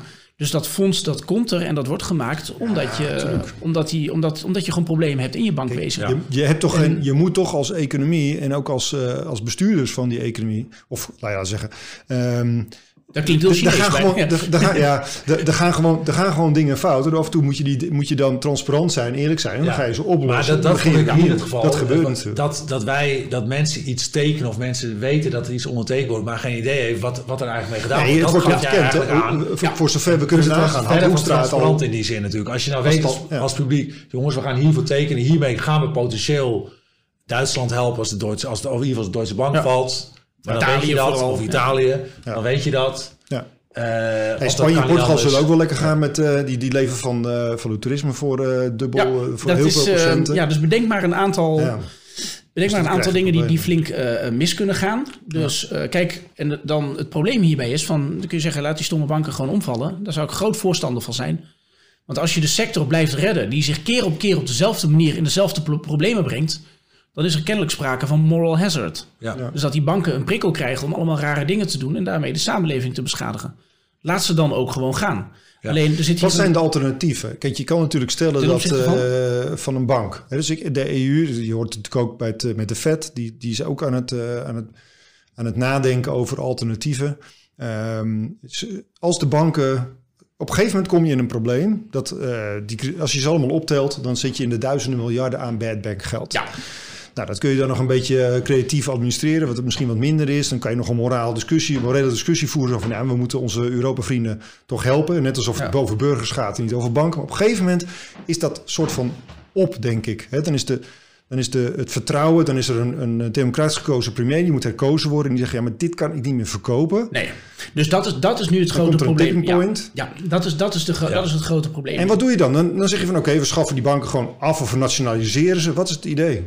Um, stap 1, dus alle impliciete staatssteun die je nu dus al hebt, waardoor ze nog een beetje door blijven gaan, die, daar moet je van af. Dus als een bank technisch failliet is en die bank die heeft meer schulden dan dat er bezittingen zijn. Ja, maar een politicus moet pijn voorkomen hè, aan de burger. Ja, maar dat, is, dat kun je niet. Nee, maar... Dus je moet ten eerste eerlijk zijn. Je moet zeggen, dit, dit gaat gewoon pijn doen. Ja. En die banken die zijn verrot. Uh, ja, alsjeblieft, een beetje water. Um, dan, dan, dan kun je naar de volgende stap gaan. En dan kun je die bank inderdaad failliet verklaren. En dan zeg je tegen alle aandeelhouders, je bent je geld kwijt. En ook de pensioenfondsen die erin zitten, institutionele beleggers. En dat is bij heel veel banken niet eens zo'n probleem. Hè, want dat bleek... Uh, want die koers staat toch al laag. Arabieren te zijn. En, uh, die ja, in het geval van Deutsche... Nee, maar dat moeten we niet overdreven. De, die, die, die, de groot aan, dat, dan heb je het over 3%. Maar kijk, de mensen die benaderd worden, dat zijn natuurlijk voor een heel groot deel... Pensioenen. De pensioenen. Ja, pensioenen, ja. klopt. Maar dat is toch een leugen. Dus die... Ja, precies. Die, die zijn er toch nog niet meer, wou je zeggen. Nee, ja, maar de, kijk... Ja. Het, het, maar dat is ook weer zo'n harde waarheid. Ja, precies. Dat willen mensen niet horen. Maar het, het pensioenvermogen, voor zover dat in het aandelenkapitaal van die bank zit... Uh, dat staat al zwaar onder water. Daarom staan die koersen dus zo laag. Want die mensen ja. die bij die pensioenfondsen werken... die vermogensmanagers die bij de pensioenfondsen werken... Dat. en dat zijn mijn vrienden, zal ik maar zeggen. Ja. En die fluisteren mij dingen in. Die zeggen van... Jezus, heb je gezien hoe laag die koers van Deutsche Bank staat? Ja. En dan gaat het gonzen in die wereld. En dan gaan journalisten met die, met die sector praten... met, uh, ja, met de banken. Uh, Toch zijn de journalisten mild, hè? Ja, die zijn hartstikke mild, behalve ik. Ja. Ik heb dan misschien de beste vrienden dagen, maar dat, ik denk dat dat het is. Maar de, de, dan zie je dus al dat, dat daar iets aan de hand is. Dus dan zou ik zeggen, um, wikkel die bank gewoon af, dan ben je er vanaf. En um, dan ben je dus ook van de lobbykracht van die bank af. Want dat vind ik, dat is met ING fout gegaan de vorige keer. ING bracht zichzelf in de problemen. Met zeer risicovol gedrag. Ja. Uh, ING ging naar Amerika, Ja. ging vol in die CDO's handelen. Ja. Want dat moest wel, hè, ze hadden spaargeld opgehaald daar. Nou, dat moest dan lokaal in de huizenmarkt. Ehm, nou, dan moesten ze daar ook CDO's kopen van die, van die hypotheekproducten die ze niet begrepen of die ze niet op waarde konden Ze schatten. hadden er in Nederland wel een beetje verstand van. hè? In Nederland mochten we het ook wel doen vanaf In 1996, 96. derde kwartaal 1996 mocht het. Alleen de, de vraag is dus op zich, je kunt het proces begrijpen. Alleen de kern van het proces van het securitiseren van die hypotheken verkopen, doorverkopen, is dat, dat de, de doos, hè, dus de schoenendoos waar een stapeltje hypotheken in zit, die krijgt een waarde. En dat kan helemaal losstaan van hoe het eigenlijk met die mensen in die doos gaat. Hè. Dus ik noem altijd het voorbeeld van, eh, van The Big Short. Als mensen die film niet hebben gezien, is Ja, de scène met de alligator. Ja. Ja. dus dat, dat, dat twee bankiers die besluiten is aan te bellen bij een eh, hypotheek die ze zelf hebben doorverkocht. ja, ja, ja. En dan denken ze, degene van wie wij die hypotheek hebben doorverkocht, hoe gaat het er eigenlijk mee? Ja, dan komen ze bij een huis aan waar, waar het helemaal leeg is en er is een alligator in het zwembad gaan, eh, gaan wonen. En dan ontdekken ze dus, nou goed, die alligator die, zal wel, eh, die heeft dat dus geannexeerd. Dus die mensen om wie het gaat, Gewoon al, ja. die zijn bankroet, die zijn weg. Het gaat heel hopen dat het goed met ze gaat, maar waarschijnlijk niet. AAA-rating. eh Ja, hypotheek. maar dat ding waar ze, waar ze, waar ze in stonden, die... ehm, ja, dus die alligator, die zal op een gegeven moment gaan wanbetalen. Dat, Ja. dat, dat moet wel. Ja, ja, ja. En dan wordt het een non-performing loan. En dan daalt de waarde van die hele CDO. Dus de hele schoenendoos waar die hypotheek in zit. Ja. En ehm, dat, ehm, dat, dat heeft ING zichzelf aangedaan. En toen heeft de Nederlandse staat gezegd... nou, we gaan jullie eigen vermogen aanvullen... maar dan nemen we de helft van het stemrecht weg. Dus eigenlijk werd de bank voor de helft genationaliseerd. Terwijl die voor 100% afhankelijk was van de staat. En dat vind ik dus heel slecht. Dat had nooit mogen gebeuren. Als jij ondernemer bent en jij bent een daadwerkelijk kapitalistisch bedrijf... Hè, en die, die banken die vinden dat van zichzelf... Die gasten die huilen nu, jongen. Ze krijgen geen, niet meer zulke mooie bonussen. Ze willen terug naar het echt kapitalistisch systeem. Zeg ik, dat is prima. Dan gaan we terug naar de eh, wereld van Adam Smith en eh, David Ricardo. Als jij kapot gaat en je brengt jezelf in een probleem, mag je jezelf ook redden. Nee, dat willen we dus niet. Dus we willen een topsalaris hebben, want wij zijn de, we zijn de, de topondernemers van de wereld. Maar we willen ook staatssteun hebben. Nou, als het laatste, een ziekenhuis in, in Amsterdam failliet gegaan. Ja. Daar staan de mensen die op de intensive care liggen, die worden gewoon naar buiten gereden. En het verplegend personeel moet allemaal hopen dat ze hun salaris nog krijgen. Maar, met, met Op een banken die vinden wij geld nog belangrijker dan... dan eh, mensenlevens en dan gezondheid. mensen. nou, Ja, vind ik dat dus heel raar. Dat is dus ik zeg heel simpel. Verklaar dat aandelenkapitaal. Dus zorg, dus geef het signaal naar de banken. Gewoon een middelvinger. Ja. Dus dat moet gewoon een Europees symbool worden. Ik heb nog twee vragen hoor. Ja, dan doe, nee, doe, doe dat, doe dat gewoon ga lekker. Door, Ik, eh, ja, ga door. hoor. Nee, maar ik zag dat jij hem af... Nee, nee, ik wil niks af. Nee, nee, zeker. Ik wou nog wat zeggen, maar ga door. Ga nee, door. precies. Dus ik heb, eh, ik heb de middag vrij voorgenomen. Van hartstikke leuk. Kijk, dan, die- gaan, dan gaan we gewoon door. Kijk, zo, zo- maak, maak een wet, artikel 0 in de grondwet. En die zegt, gij zult geen banken redden door de hele Europese Unie heen. Ja. Ja, en Nederland initieert dat. En als de rest van Europa dat niet respecteert, dan stapt Nederland morgen uit de euro en uit de EU. Daar ben ik voor. Dus er moet een wet komen dat als een premier, eh, dat er een bankier binnenloopt bij een premier, dat er een pistool op de tafel van de premier ligt en dat hij zichzelf van het leven moet beroven op het moment dat er een bank om staatssteun vraagt. Wij zullen onder geen enkel beding banken redden als land. Als je dat doet, als je dat ventileert naar de banken, dan blijven ze wel uit de problemen. Noorwegen, Zweden en Denemarken doen dat. Vind ik, en ik vind dat toch echt betere landen dan, regels die, dan landen die die regels breken, zoals Italië en Griekenland. Ja, ik zit liever in het rijtje van. Ja, die scoren in elk rijtje, rijtje goed. Ja, Humane maar- maar dat is- samenlevingen. ja, humane samenleving. Dus je kunt een humane samenleving hebben, terwijl je bikkelhard bent tegen je banken. Sterker nog, ik denk dat je als overheid, dat je er beter op doet om tegen die banken heel hard te zijn en tegen die verpleegsters wat zachter. Ja. Maar Nederland maakt nu de fout Ja. dat, wij, dat wij het tegenovergestelde gaan doen. Dus je moet tegen die banken zeggen, als jij jezelf in de problemen brengt. Dus jij mag een goed salaris hebben, bankier. Jij mag lekker bonusjes trekken. Hè? Vrije markt, kapitalisme. Maar als, weet, jij, als, ja. jij, als jij in de problemen raakt, dan zoek je het zelf ook maar uit. En dan blijven die...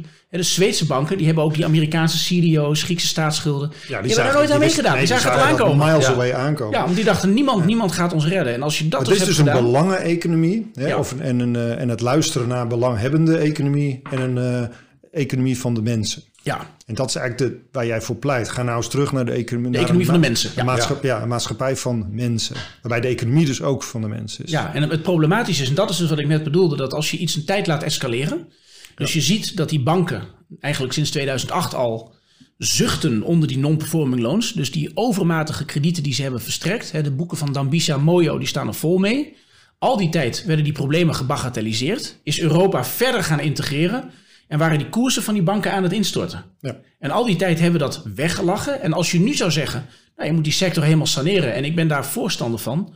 En in 2021 ergens zal je dat ook wel moeten doen. Gaan ze dat saneren door het... Door het eh, stel jij bent... eh, is eh, Angela die, ehm, ehm, die, die belt jou op en die zegt... Oh nou ja, weet je... En, haar- en jij, spreekt, eh, jij, jij spreekt prima Duits. Dus ze, ze zegt tegen jou van... Nou, wil je me van advies zien? Ik twijfel.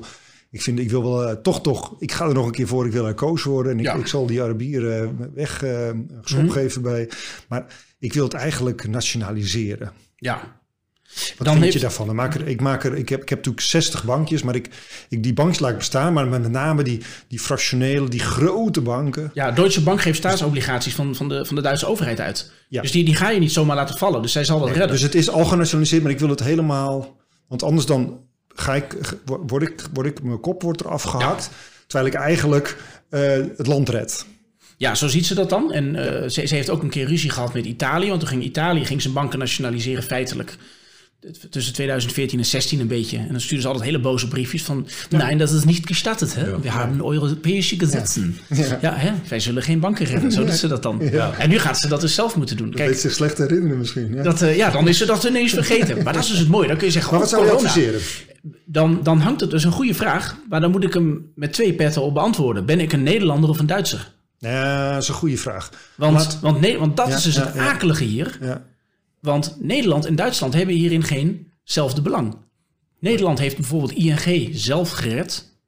En was dus zo lief voor die aandeelhouders. Wat ik dus echt heel dom vind. Maar dat Kan beter de Italiaanse Ja, methode pakken. Laat de. Europeanen het maar redden. Ja, laat de Europeanen het maar doen. Ja. Juist hem. En eh, Nederland heeft dus gezegd... wij gaan 100% van het geld leveren om ING te redden. Terwijl wij maar 50% van de macht in ruil daarvoor willen. Dat was een hele zachte redding. Ja. Maar goed, ING is daarmee vervolgens gered. Op dat moment hadden Deutsche Bank en eh Societe Generale enzovoort... en in mindere mate denk ik BNP Paribas en Intesa Sanpaolo in Italië. Er zijn echt een paar banken die er gewoon qua koersontwikkeling heel slecht uitspringen. Maar die banken die zijn nooit gered. Dat is het hele punt. En ehm, dus waarom zou jij... eh, Dus, dus Merkel die doet er dan, als, als zij dus belt...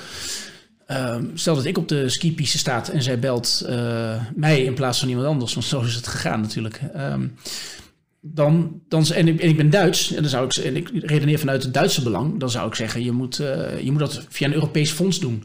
Dus dan komt er een Europees coronafonds, een Invest EU, en dan beloof je dat, hè, dat Deutsche Bank daarna allemaal groene dingen gaat financieren enzovoort. Maar dan ga je die last spreiden. Dus het nieuwe aandelenkapitaal dat je zal moeten uitgeven, dat moet je dan spreiden over een Is dat dan, Europees fonds. is dat dan eh, kicking the can down the road? Of Dat zeg is- van, ja. nee, we maken Europese banken? Nee, maar dat, dat is kicking the can down the road. Want die banken die hebben altijd nog die zieke koeien eh binnenstaan. En die koeien die worden door corona alleen maar nog zieker. Ja. En, maar als je vanuit Nederland redeneert... Nederland heeft niet hetzelfde belang als Duitsland. Duitsland is als het om het redden van banken gaat... niet onze vriend. Nee, die staat En- meer aan de Frans-Italiaanse Aan de Franse-Italiaanse inmiddels. kant. En dat is heel Ja. akelig voor Nederland. Want wij hebben altijd het idee van... ja, je hebt al spaarzaam Noord-Europa en eh, Zuid-Europa... geven ze zoveel geld uit. Ja, dat, is, dat is eigenlijk ook al niet waar. Hè, met die luie Grieken en dat, dat gedoe. Dat is eigenlijk niet waar. Want het waren ook Noord-Europese banken... die heel erg meededen. Meededen met het veroorzaken van een kredietcrisis daar. Dus dan zou je inderdaad wel kunnen zeggen... dat moet je dus samen oplossen. Alleen Duitsland heeft ervoor gekozen... om samen met Frankrijk en Italië... nooit de banken te saneren. En de reden daarvoor is, is dat die landen officieel geen kredietcrisis mochten hebben. Ze zeiden, nou, Griekenland, dat is perifere, een klein rotlandje. Daar hebben we wat problemen, dat lossen we samen op. Nee, maar dat was mooi. Want dan kon je de media als media afleider heb je natuurlijk nodig. Je hebt Ja. natuurlijk een, Zo, zo is dat gebeurd. Ja, en, zo, een kop en, van Jut ja, nodig. en Nederland heeft toen gezegd, nou, wij willen geen Europese noodsteun aanvragen, maar wij kunnen onze eigen banken saneren. En Duitsland, Italië en Frankrijk hebben dat om politieke redenen dus nooit gedaan. Nee. Dus eh, ik vergelijk dit wel eens met een, eh, met een kattenfonds. Dus stel dat je een, eh, mooie straat hier in Haarlem hebt. Ehm, en er wonen 100 gezinnen. En die 100 gezinnen die zeggen, nou, we hebben een probleem met katten. Want een aantal van die katten die zijn ziek. Dus die hebben kattenziekte. En nou, we zijn één volk, één Europa. En de oorlog was heel erg. En racisme is vreselijk. Dus wij moeten elkaars katten redden. Denk niet in een termen van een huishouden. Want ja, als een zieke kat door de straat loopt... dan kan die ook jouw kind ziek maken, weet ik veel. Dus we gaan samen met z'n allen alle katten redden. Of gezond maken. Geven ze een, spuitje. Een inenting. En dat kost eh, 1000 piek per kat, weet ik veel. Dus 100.000... eh, ja, bedenk maar iets. Bedenk maar een verhaal. Dan krijg je natuurlijk drie soorten gezinnen in die straat. Er zijn gezinnen die zeggen... Hmm, maar ik heb mijn eigen kat al eh, geschoren, gewassen, ingeënt, gechipt en alles. Waarom zou ik meedoen met een reddingsplan... eh, terwijl ik dat voor mezelf al heb gefinancierd? Daar heb je geen enkel belang ja, bij. ik ga niet voor het collectief. Nee, en dat zijn dat, dat soort landen. Dat is bijvoorbeeld Nederland. Dan heb je de landen die in dat collectief zitten... die helemaal geen katten hebben, want die hebben een hekel aan katten. Bijvoorbeeld. Waarom, waarom zou jij betalen voor het inenten van, van de kat van je buren... Ja. als jij zelf helemaal geen kat hebt? Nou, er zijn ook landen waar dat voor geldt in de Europese Unie. Eh, dat zijn bijvoorbeeld Finland en Slowakije. Die hebben nooit een bankencrisis gehad. En straks moet de premier van Finland, die moet op tv zeggen... ja, we moeten Europees solidair zijn. We gaan elkaars problemen oplossen met zieke banken. En dan zeggen die Finnen van, die hebben op hun grondgebied... Uh, UTP Pula heet dat ding. En dat, dat is, een, dat is een, een bank en die slaagt erin om al tien jaar achter elkaar... gewoon een winstverwachting af te geven... En dan komt er een persconferentie en dan is die winst uiteindelijk, die is dan binnen 1%. Weet je wel? Dus je kunt ook een kanon afschieten op die persconferentie, want dat is gewoon de verwachting. ja. Daar gebeurt niks. Finland hartstikke gezond, enzovoort. Slowakije heeft ook geen. eh, ben al eens geweest, leuk land, gebeuren helemaal geen spannende dingen. En je hebt dat soort landen, dus die hebben helemaal geen katten. Die hebben dat probleem überhaupt nooit gehad. En dan heb je dus de landen zoals, en daar zitten dus tot mijn schrik, nu ook Duitsland en Frankrijk bij. En natuurlijk Italië. En die, ja, die hebben al die zieke katten rondlopen. En die zeggen, ja, we moeten dit probleem samen Ja. hè, oplossen. Eh, Europese solidariteit, zegt Maar daar zie je gelijk- dat- Scheitert de euro, scheitert Europa. Nee, dan scheitert jouw stomme bank. Dan scheitert jouw Deutsche Bank. Dus Nederland moet dit tegenhouden. Het onderstreept dat je dingen niet half kan doen. Kijk, als je een gezin bent en er zit een groot gezin, er is er eentje. ja, Die, is, die, Ja. net, hè, die, die, die kan eigenlijk niet lekker meekomen. Hè, er is er eentje, één, één kind van het gezin. Maar dat is niet erg, want die neem je gewoon met z'n allen mee. Ja. Maar als je, eh, dus Europa moet of één zijn, echt één. Ja. Of eh, uiteindelijk zal je in individuele belangen uit elkaar klappen. Ja, en dat is, en dat, dat is ook altijd mijn, mijn kritiek geweest ook op... Ja, je ziet het eh, programma van Europa is bekend natuurlijk. Ja, de Europese Commissie zegt bijvoorbeeld zelf... wij willen dus inderdaad compleet gaan integreren. Dus de Europese Centrale Bank zegt... nou, jullie moeten, jullie, hè, dus de Europese regeringsleiders... jullie moeten maar zo'n bad bank oprichten. Ja. Waarbij alle Europese landen een beetje geld inleggen. Ja. Dan kan een fonds kan dan geld lenen... Ja. Met, met de creditcard van eh, elke lidstaat in de zak. En dan kun je dus die, eh, die zieke koeien van, eh, van Deutsche Bank... Ja, kan je makkelijk verdedigen en zeggen van, joh, we zijn, we zijn we hebben een economische ruimte van hoeveel? 300, Ja, een half- 340 half miljard mensen bijna, ja, half ja. miljard bijna. Die, die, die, die, het is, het is, het zit 3000 miljard in. Joh. Ja, precies. Dan Ja, is ja. het ook, ja, dan is het ook allemaal niet zo erg. Want dan kun je zeggen, Ja. ja, want, want hoe groter je politiek geheel is, hoe kleiner elke bank ten opzichte van dat geheel is. Zo is het. Alleen als je zo redeneert, dan moet je dat politiek geheel zo groot maken dat het helemaal geen feeling meer heeft met de burger. Want als je de, de gewone boerenlul hier in de straat vraagt of op de botermarkt, en je begint hierover en je zegt, heb jij zin om banken in andere eurolanden te redden? Ja. Dan zegt hij, nee, dat wil ik niet. Er is Ja. er iets gebeurd Ja, beneden. Er wordt, eh, eh, de, de, de, luisteraars... dat-? Nee, valt mij ook. Ja, we kunnen wel de- doorgaan. Maar Dus dat, dat is hier het zijn hard aan akelige. het Dus, Ik denk niet dat ze beneden komen, hebben geen collega Ja. meer. dus die, maar je zult, dat, je zult dus, Ja. dus als je hiermee door wil gaan met die Europese Unie, dan moet je dus ondemocratische dingen doen. En het akelige is nu, en dat, dat neem ik echt Mark Rutte kwalijk, is dat hij in die spagaat van, hè, zoals je even vergelijkt dat met een gezin, dat je zegt, nou, hè, of je bent, ofwel je bent een gezin en je helpt elkaar, en dan doe je ook niet moeilijk over een beetje geld. Nee. Dat is optie A. Of je zegt optie B, uit elkaar. Eh, we gaan maar uit elkaar. Ja. Ik vind het ook zelf een hele leuke vergelijking. Doe het inderdaad altijd met een man en een vrouw of een, stelletje. Ja. Eh, en dan wil de een geen offers brengen voor de andere. Nou, dat is prima, maar dan kun je geen relatie hebben. Nee. Er is geen middenweg. En wat Rutte doet om, om de verkiezingen te winnen, en dat is een trucje dat hij altijd uithaalt. En wat is altijd werkt. En ook drie keer achter elkaar heeft gewerkt, of twee keer, want hij is twee keer herko herkozen. Ik ben bang dat hij dat weer doet. Dat hij, ehm, en dan heeft hij ergens een verkiezingsbijeenkomst. En ik word er ook vaak voor uitgenodigd. Of een, eh, of een debatavond door de JOVD bijvoorbeeld. Ehm, ik word heel vaak door die politieke partij uitgenodigd. Gewoon voor een debatavond over dit soort dingen. Nou, als Rutte er wel is. Of zo'n Hans van Balen. Die gaat dan nog staan met zijn vuistje. En dan gaat hij dingen roepen. En dan beloven ze altijd het politiek, eh, of tenminste het, het gewenste geluid. Dan zeggen ze, er komt geen bankenreddingsfonds. En Wopke Hoekstra doet dat ook. Zegt hij, er komen geen eurobonds. En, ehm, en ook migratie. Ja, we moeten het echt over migratie gaan wordt hebben. nooit afgerekend door de burger. Nee, hij wordt nooit... En die burger die tuint erin. Alleen wat die burger op dat moment moet doen... die moet zich dan beseffen... Ja, maar hij heeft geen alternatief, denk ik, of zo. Ja, Waarom dan- tuint die burger? Maar wat moet hij Nederlandse mensen, zijn- de, de boosheid is voelbaar soms. Ja, de boosheid is voelbaar. Maar dan zeg ik wel tegen die mensen die boos zijn... van je hebt het zelf gedaan. Want je bent, in de, je bent eigenlijk in de, ehm, in de kwakzalverij van Rutte getrapt. Ja. Want Rutte die zegt... Nou, ehm, eh, moeten we betalen voor de euro? Nou, daar hebben we geen zin in.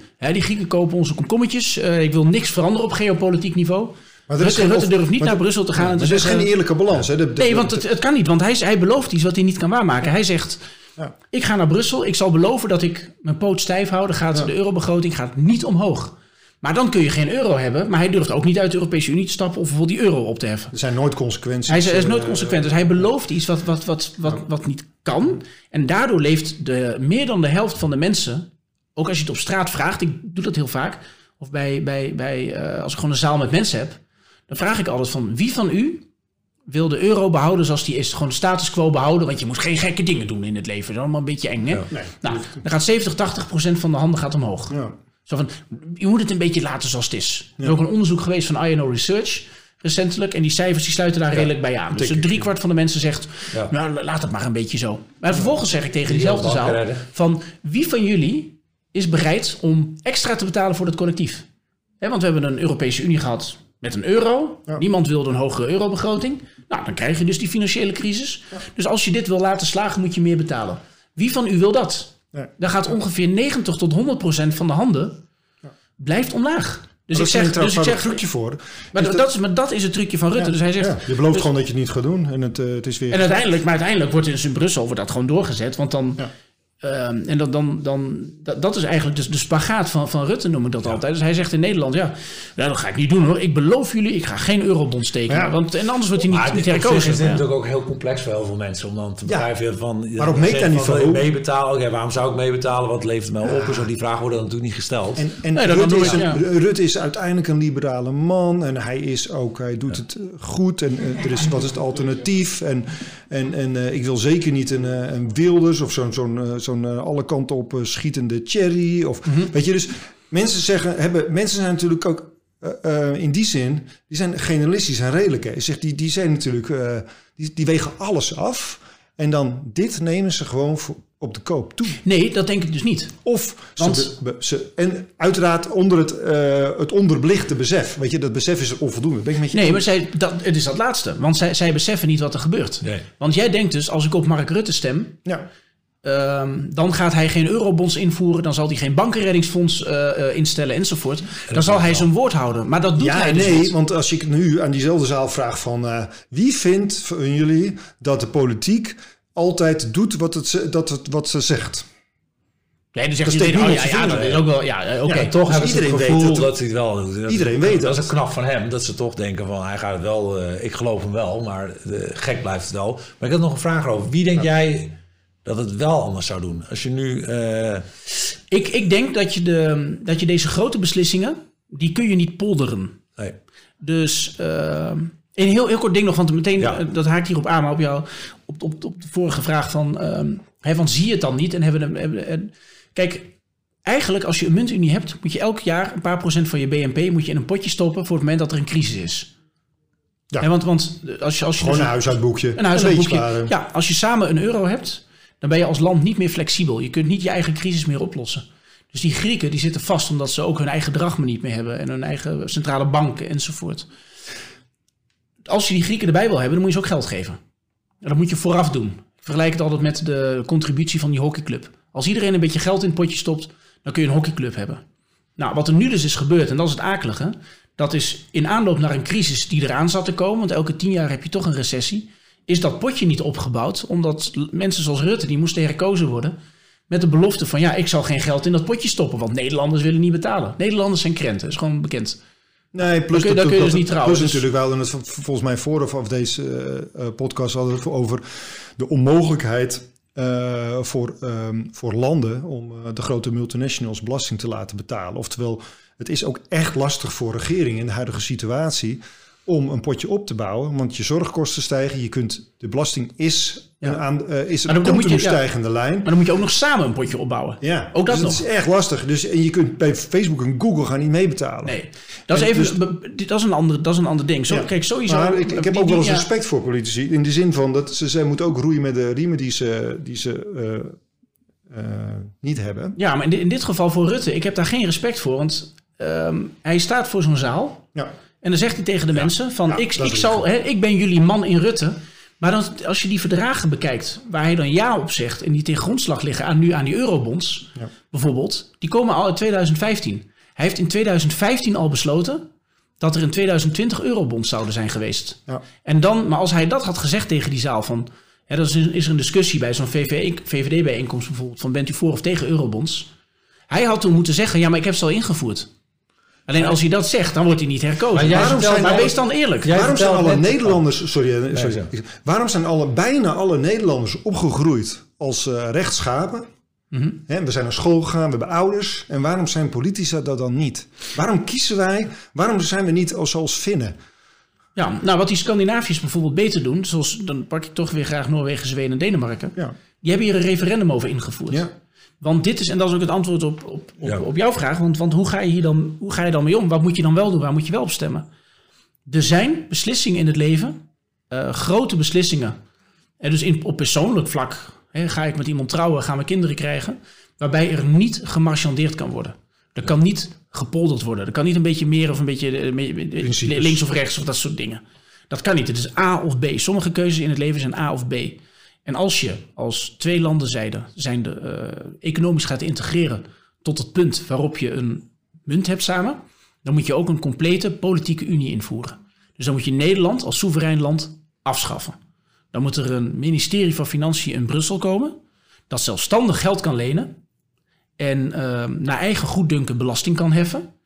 En die deelnemende landen, die moeten, de bevolkingen daarvan, die moeten bereid zijn om die soevereiniteit af te dragen. Ja. En het is A of B. En als je dit dus via de partijpolitiek gaat oplossen, dan krijg je dus dan dat, de, dat, dat de VVD, die zit een beetje veilig tussen D66 en PVV in. Dus ze zeggen, ja, we zijn het met de PVV eens. Ja, te, te gek voor woorden, mag allemaal niks kosten. Een beetje Ja. rechts schreeuwen. Maar dan willen ze wel cosmopolitisch zijn en zeggen... ja, maar wel mooi dat we samen één muntje hebben enzovoort. Ja. Dan gaan ze tegen, tegen D66 aanschurken. Dus ze zitten tussen D66 en PVV in. Daarom winnen ze de verkiezingen. Ja. Maar dan komen ze dus met een oplossing die niet kan. Je, ik zeg altijd, je kunt ook niet half zwanger zijn. Je bent zwanger of je bent het niet. Ja. En als je een euro hebt, dan moet je belasting afdragen aan Brussel. En er moet in Brussel een mechanisme zitten dat zelfstandig obligaties kan uitschrijven. Ja. En als je dat niet wil hebben, kun je geen euro hebben. En wat, wat, wat er nu gebeurt, en dat vind ik dus heel kwalijk aan Rutte, is dat hij steeds heeft ontkend dat deze werkelijkheid, zoals ik hem noem, dat die er is. Ja. Nou, nu hebben we dus die crisis waarvoor we ons dus hadden moeten voorbereiden. Dat hebben we dus niet gedaan, omdat we in het idiote idee van Rutte geloofden dat je samen een heel geopolitiek ambitieus project kunt hebben zonder dat je iets hoeft bij te dragen. Ja. Ja, dat, daarmee heeft hij dus de verkiezingen zeker gesteld. Maar dat is een leugen die, Zeker. die onmogelijk is. En nu moet je dus tijdens een crisis waarbij Nederlanders zelf het zwaar hebben. Hè, dat, we, dat we zelf zien dat onze zorgsector eh, explodeert. Dat mensen zelf hun baan kwijtraken. Precies op dat moment begin jij over die eurobonds en gemeenschappelijke schulden uitschrijven. Dus, dus je begint over het oplossen van de crisis, waar je op kon voorbereiden, op het dieptepunt van die crisis. Ja, en dat is gewoon verschrikkelijk slecht gedaan. En dat is de prijs, vind ik, die Nederland nu gaat betalen voor de mensen die ooit op de VVD hebben gestemd. Had dan op D66 gestemd. D66 zijn het begin al of tien jaar geleden Ja, al die van, zijn helder. Ja, we moeten een beetje extra geld in zo'n potje gooien. En Rutte zei, nee, dat hoeft niet hoor, want er komt nooit meer een crisis. Nou, nu is hij er, nu zijn we niet voorbereid. En nu maken we dus ruzie. Nou, is voor mij een heel duidelijk verhaal, hè? We gaan nog niet stoppen, hoor. Nee, vra- vraag me iets als je... Maar ik wil nog even terug naar... ja. eh, we, zijn, eh, we zijn namelijk bij Bots, hè? Eh, Ja. eh, kwam net even langs. Toch even kort even kijken hoe jij daar tegenaan kijkt. Hè? Mooi bruggetje. Mooi bruggetje. Nee, je zei net ook al... Ja, van dat is andere- echt een Hey, hey, Dit is Hey. het slechtste bruggetje. Let op, let op. Hij is niet zo slecht. Even, Oh, oh, we, oké. we hoorden net al even iets over de banken. Hè? De, Ja. dat, dat, dat een andere vorm van dienstverlening en een bank eh, en, en een geld eh, creërende partijen. eh, maar in ieder geval, jij refereert aan bots als de, de nieuwe eh, vorm Oh ja. van financiële dienstverlening. Hè? Ja. Nou, we zijn er nu. Maar even allereerst de vraag. Hoe, hoe kijk je aan tegen die eh, crypto eh, eh, handel en automatisch traden? Kijk, heeft iets moois en niet moois. Ehm, kijk, wat ik, wat ik net noemde, dus, die, dus dat je de, de creatievelingen onder ons, dus de bedrijven waar, waar mannen en vrouwen in polo-shirts zitten met, met een tafelvoetbaltafel. Ik heb Ja, gegeven, ja. die, die, die staat Ja, hier beneden, ja. dus we kunnen zo nog eventjes. hè. weet je, weet je, ja, gewoon de sfeer die jullie hebben. De, de sfeer die wij hier hebben, die is anders dan wanneer ik bij eh, Rabobank eh, het hoofdkantoor naar binnen loop. Ja. En ik denk dat de, zo'n hele grote, logge corporate sfeer. Met gevestigde belangen in termen van het hebben van heel veel zieke koeien. Dus heel veel. Ja, dus hebben meegedaan met overkreditering uit het verleden. Dat proberen recht te lullen enzovoort. Zo- Zo'n enorm bedrijf. Ehm, zoals een Rabobank. Sorry jongens bij de Rabobank. Ja. Dat gaat niet innoveren. En Shell gaat ook geen eh, decentrale groene energie bedenken. Nee. Er stroomt olie bij die mensen door het bloed. En bij banken stromen, stromen er tophypotheken door het bloed. Die, die banken die, die, die, die, die leven op hypotheken. Ze zeggen, nee, is niet waar, we doen veel meer. Nee, het zijn hypotheken. Dat is alles wat jullie doen. Huishoudens vol met schuld douwen. En wat zij tegen zullen houden, is alles wat dusdanig innoveert dat je die banken niet meer nodig hebt. En daarom vind ik de. Ik word ook altijd uitgenodigd door de Bitcoin-mensen en, eh, om deze reden. Ik heb er totaal geen verstand van. Nee. Toch kan ik hier gewoon een uur eh, vol eh, Ja. babbelen. Vind ik best knap van mezelf, om het zo maar te zeggen. Maar die. ehm, dus die, die, die innovatie, Daar zeker in het ik financiële in, systeem, daar word ik heel, word ik een, Ja. eh, daar krijg ik, dat geeft me een warm hart. Ja. De, de- ja, dat is. Dat, Ja, ik dat vind het leuk wat je zegt. Want het leuke van de, in ons geval van de bitcoin was dat, dat je um, een soort die, ehm, eh, die regulering die, eh, die verliep wat langzaam, die liep achter. En dat gaf ons, dat gaf die kleine bedrijven eh, de mogelijkheid om, eh, om te innoveren zonder dat je miljoenen, miljoenen, miljoenen, miljoenen nodig hebt. Ja. Met eh, miljoenen, miljoenen potentiële boetes. Dus je, je, het was inderdaad. Ik denk dat dat nu wel weg is. We, we zitten allemaal onder registratie. Ja. Heel Europa, bijna heel Europa. Eh, dus dat, dat, ik denk dat dat, dat, dat is wel weer een soort van Ja, maar, maar goed, zo'n gesprek dat ik nu met jullie heb. ja, dit kan Over, die, over, die, over de- dat we Deutsche Bank eh, de grond in kraken. Ja. Ja. Maar dus ook die andere. En een ABN, in Nederland is de ziekste bank ABN AMRO. Daarvan zie je dat de koers zeer ver onder water staat. Ja. Als die straks moeten herkapitaliseren, lukt het ze niet. Enzovoort. Ik zou dit niet bij Rabobank mogen... eh, Nee. Dit niet zeggen. Nee. Dat is het ook. En daar zit dus al een zweem omheen van... Ja. En met alle respect, er zijn ook mensen die bij Rabobank werken... of ING dan in dit geval, die, Ja. dit, die dit geen leuk verhaal ja, vinden. maar dat snap ik wel. En dit wordt je zit bij een gigantische op. corporate Ja. met van 100 jaar oud. Ja, Ja, ik, dat- ik heb wel met een, eh, een, een oude eh C eh, gesproken van een van die grote banken. En die geeft in een kamer zonder camera's ruidelijk toe dat Ja, banken het andere dingen. Ja, ja, precies. dat, weet jij ook wel. Ja, dat zijn gewoon dinosaurussen. En dinosaurussen, Arnoud Boot zegt dat altijd heel leuk. Die, dinosaurussen worden altijd gigantisch groot, hè? Voordat Ja. ze een meteoriet op hun kop krijgen en uitsterven. Ja. Zegt onvoorstelbaar hoe groot die kringen kunnen worden. Maar ja, dan zijn ze wel weg. Wat ik Nou, wel over denk... dinosaurus en groot gesproken. Als je, we hebben het, ik had het toevallig even. En eh, zeg maar Alibaba, Ja. die, die, die, eh, die gaat naar de beurs. Eh, Die zijn natuurlijk, 35 miljard, hè? ja, en dat is dan eh, precies. Bij Ant. eh, Dus dat is natuurlijk dat eh, bij Ant. Ja. En eh, dat zijn natuurlijk eh, dat zijn de nieuwe banken. Ja, maar dat vind, ik dus, dat vind ik dus een akelige gedachte. Ja. En Want de, de- zegt, be careful what you wish for. Want je kunt natuurlijk eh, ABN AMRO eh, en, eh, en, en de Deutsche Bank bashen, maar ja, de, de, de mogelijke vervanger. eh, ik zeg niet dat het gebeurt, want dan, maar dan zou je nog goed blij zijn met regelgeving. ja, ik vind ook Ja. dat... Niet, die- niet dat jij ergens hebt gezegd dat, dat je regelgeving... Jij Nee, dat ik zeggen. Strengere regelgeving. Precies, voor, Ja. voor, voor verstandelijke... voor- En gelijke regelgeving natuurlijk. Ja. Ja, ik praat voor de, qua regelgeving en ook bij banken. Ik zeg altijd, van, dat zeg ik vanuit Amsterdam-West. Ik vind dat je de, de, de taal en de mentaliteit van de straat moet je hebben.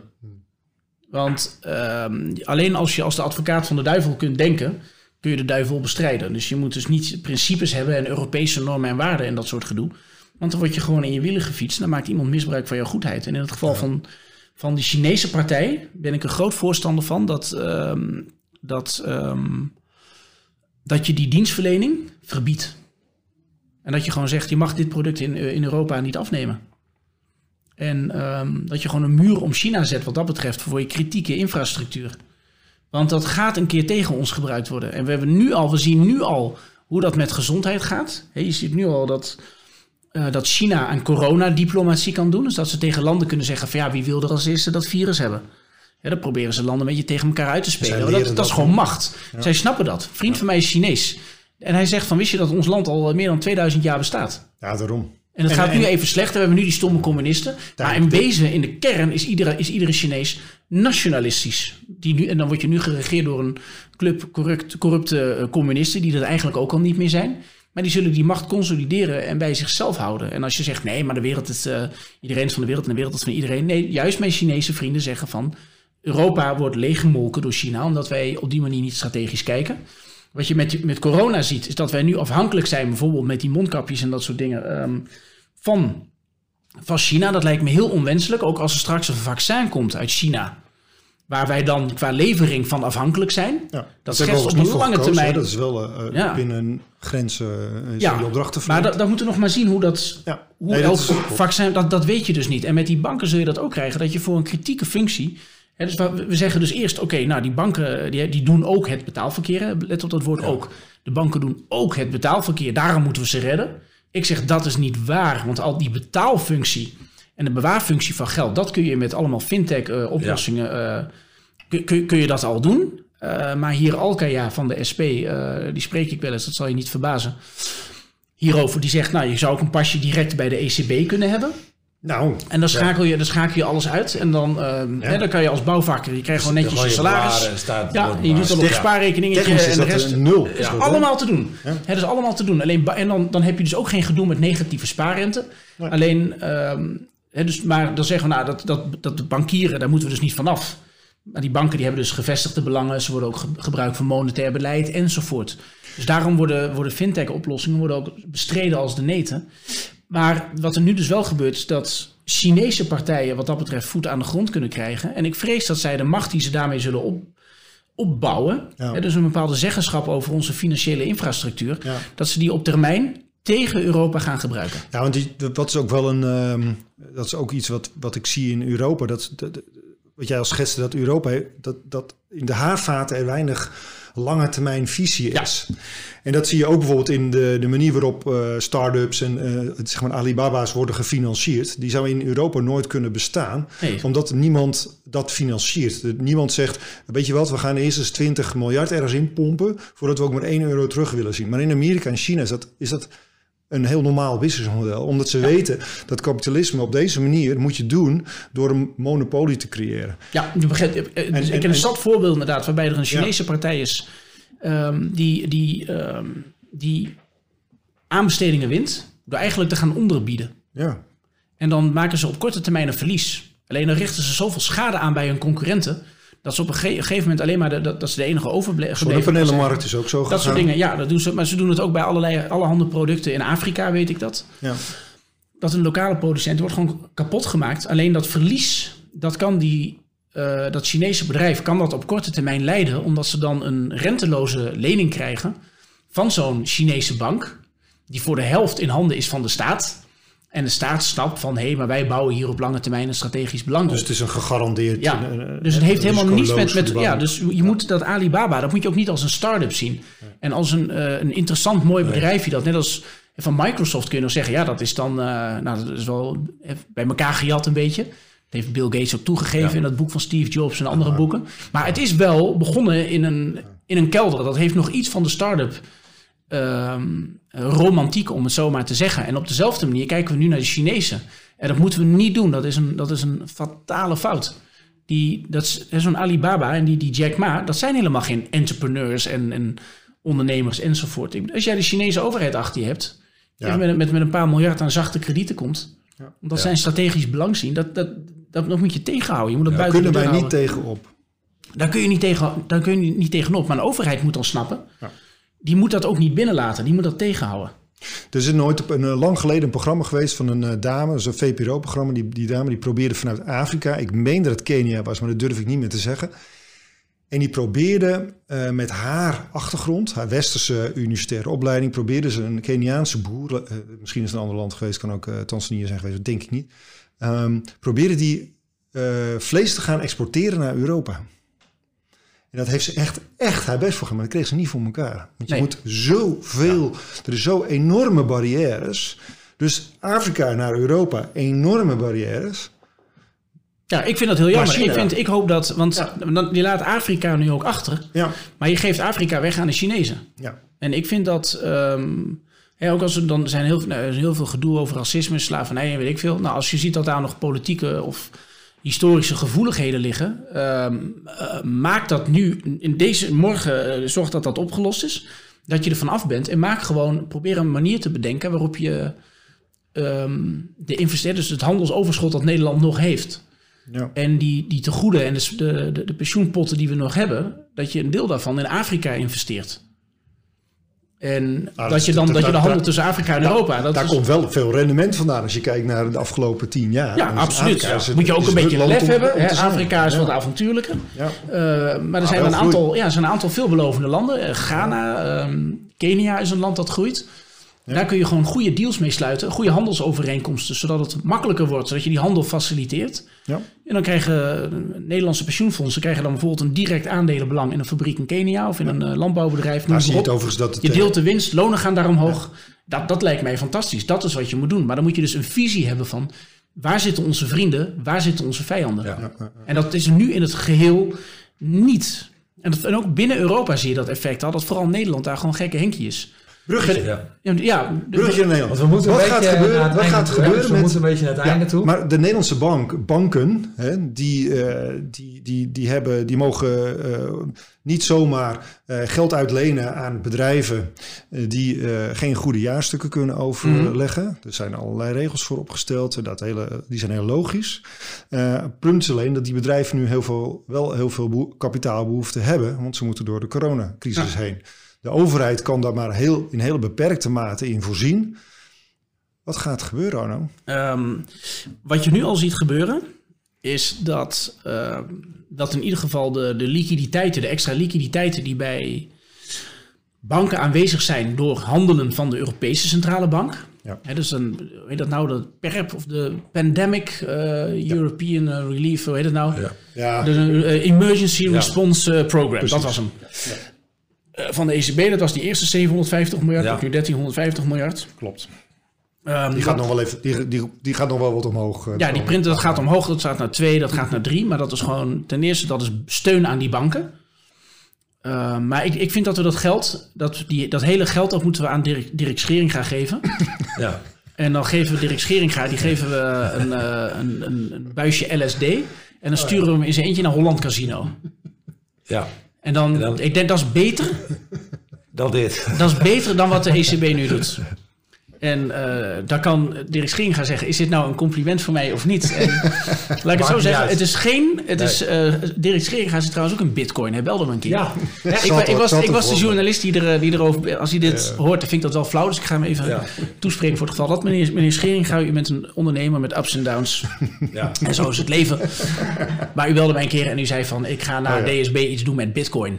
Ja. Dat was een periode dat ik er nog heel sceptisch over Ja, was. wij hebben ook nog een... eh, een toen dat dacht ik, wel eh, redelijk op tijd. gaat met was bitcoin. Zat hij nog wel redelijk op tijd in? eh, want was hij nog redelijk op tijd? Als Ja. het, ja. Eh, hoe dat is gegaan, dat is een, daar mag iedereen zelf. eh, bel hem vooral en weet ik veel. Ja.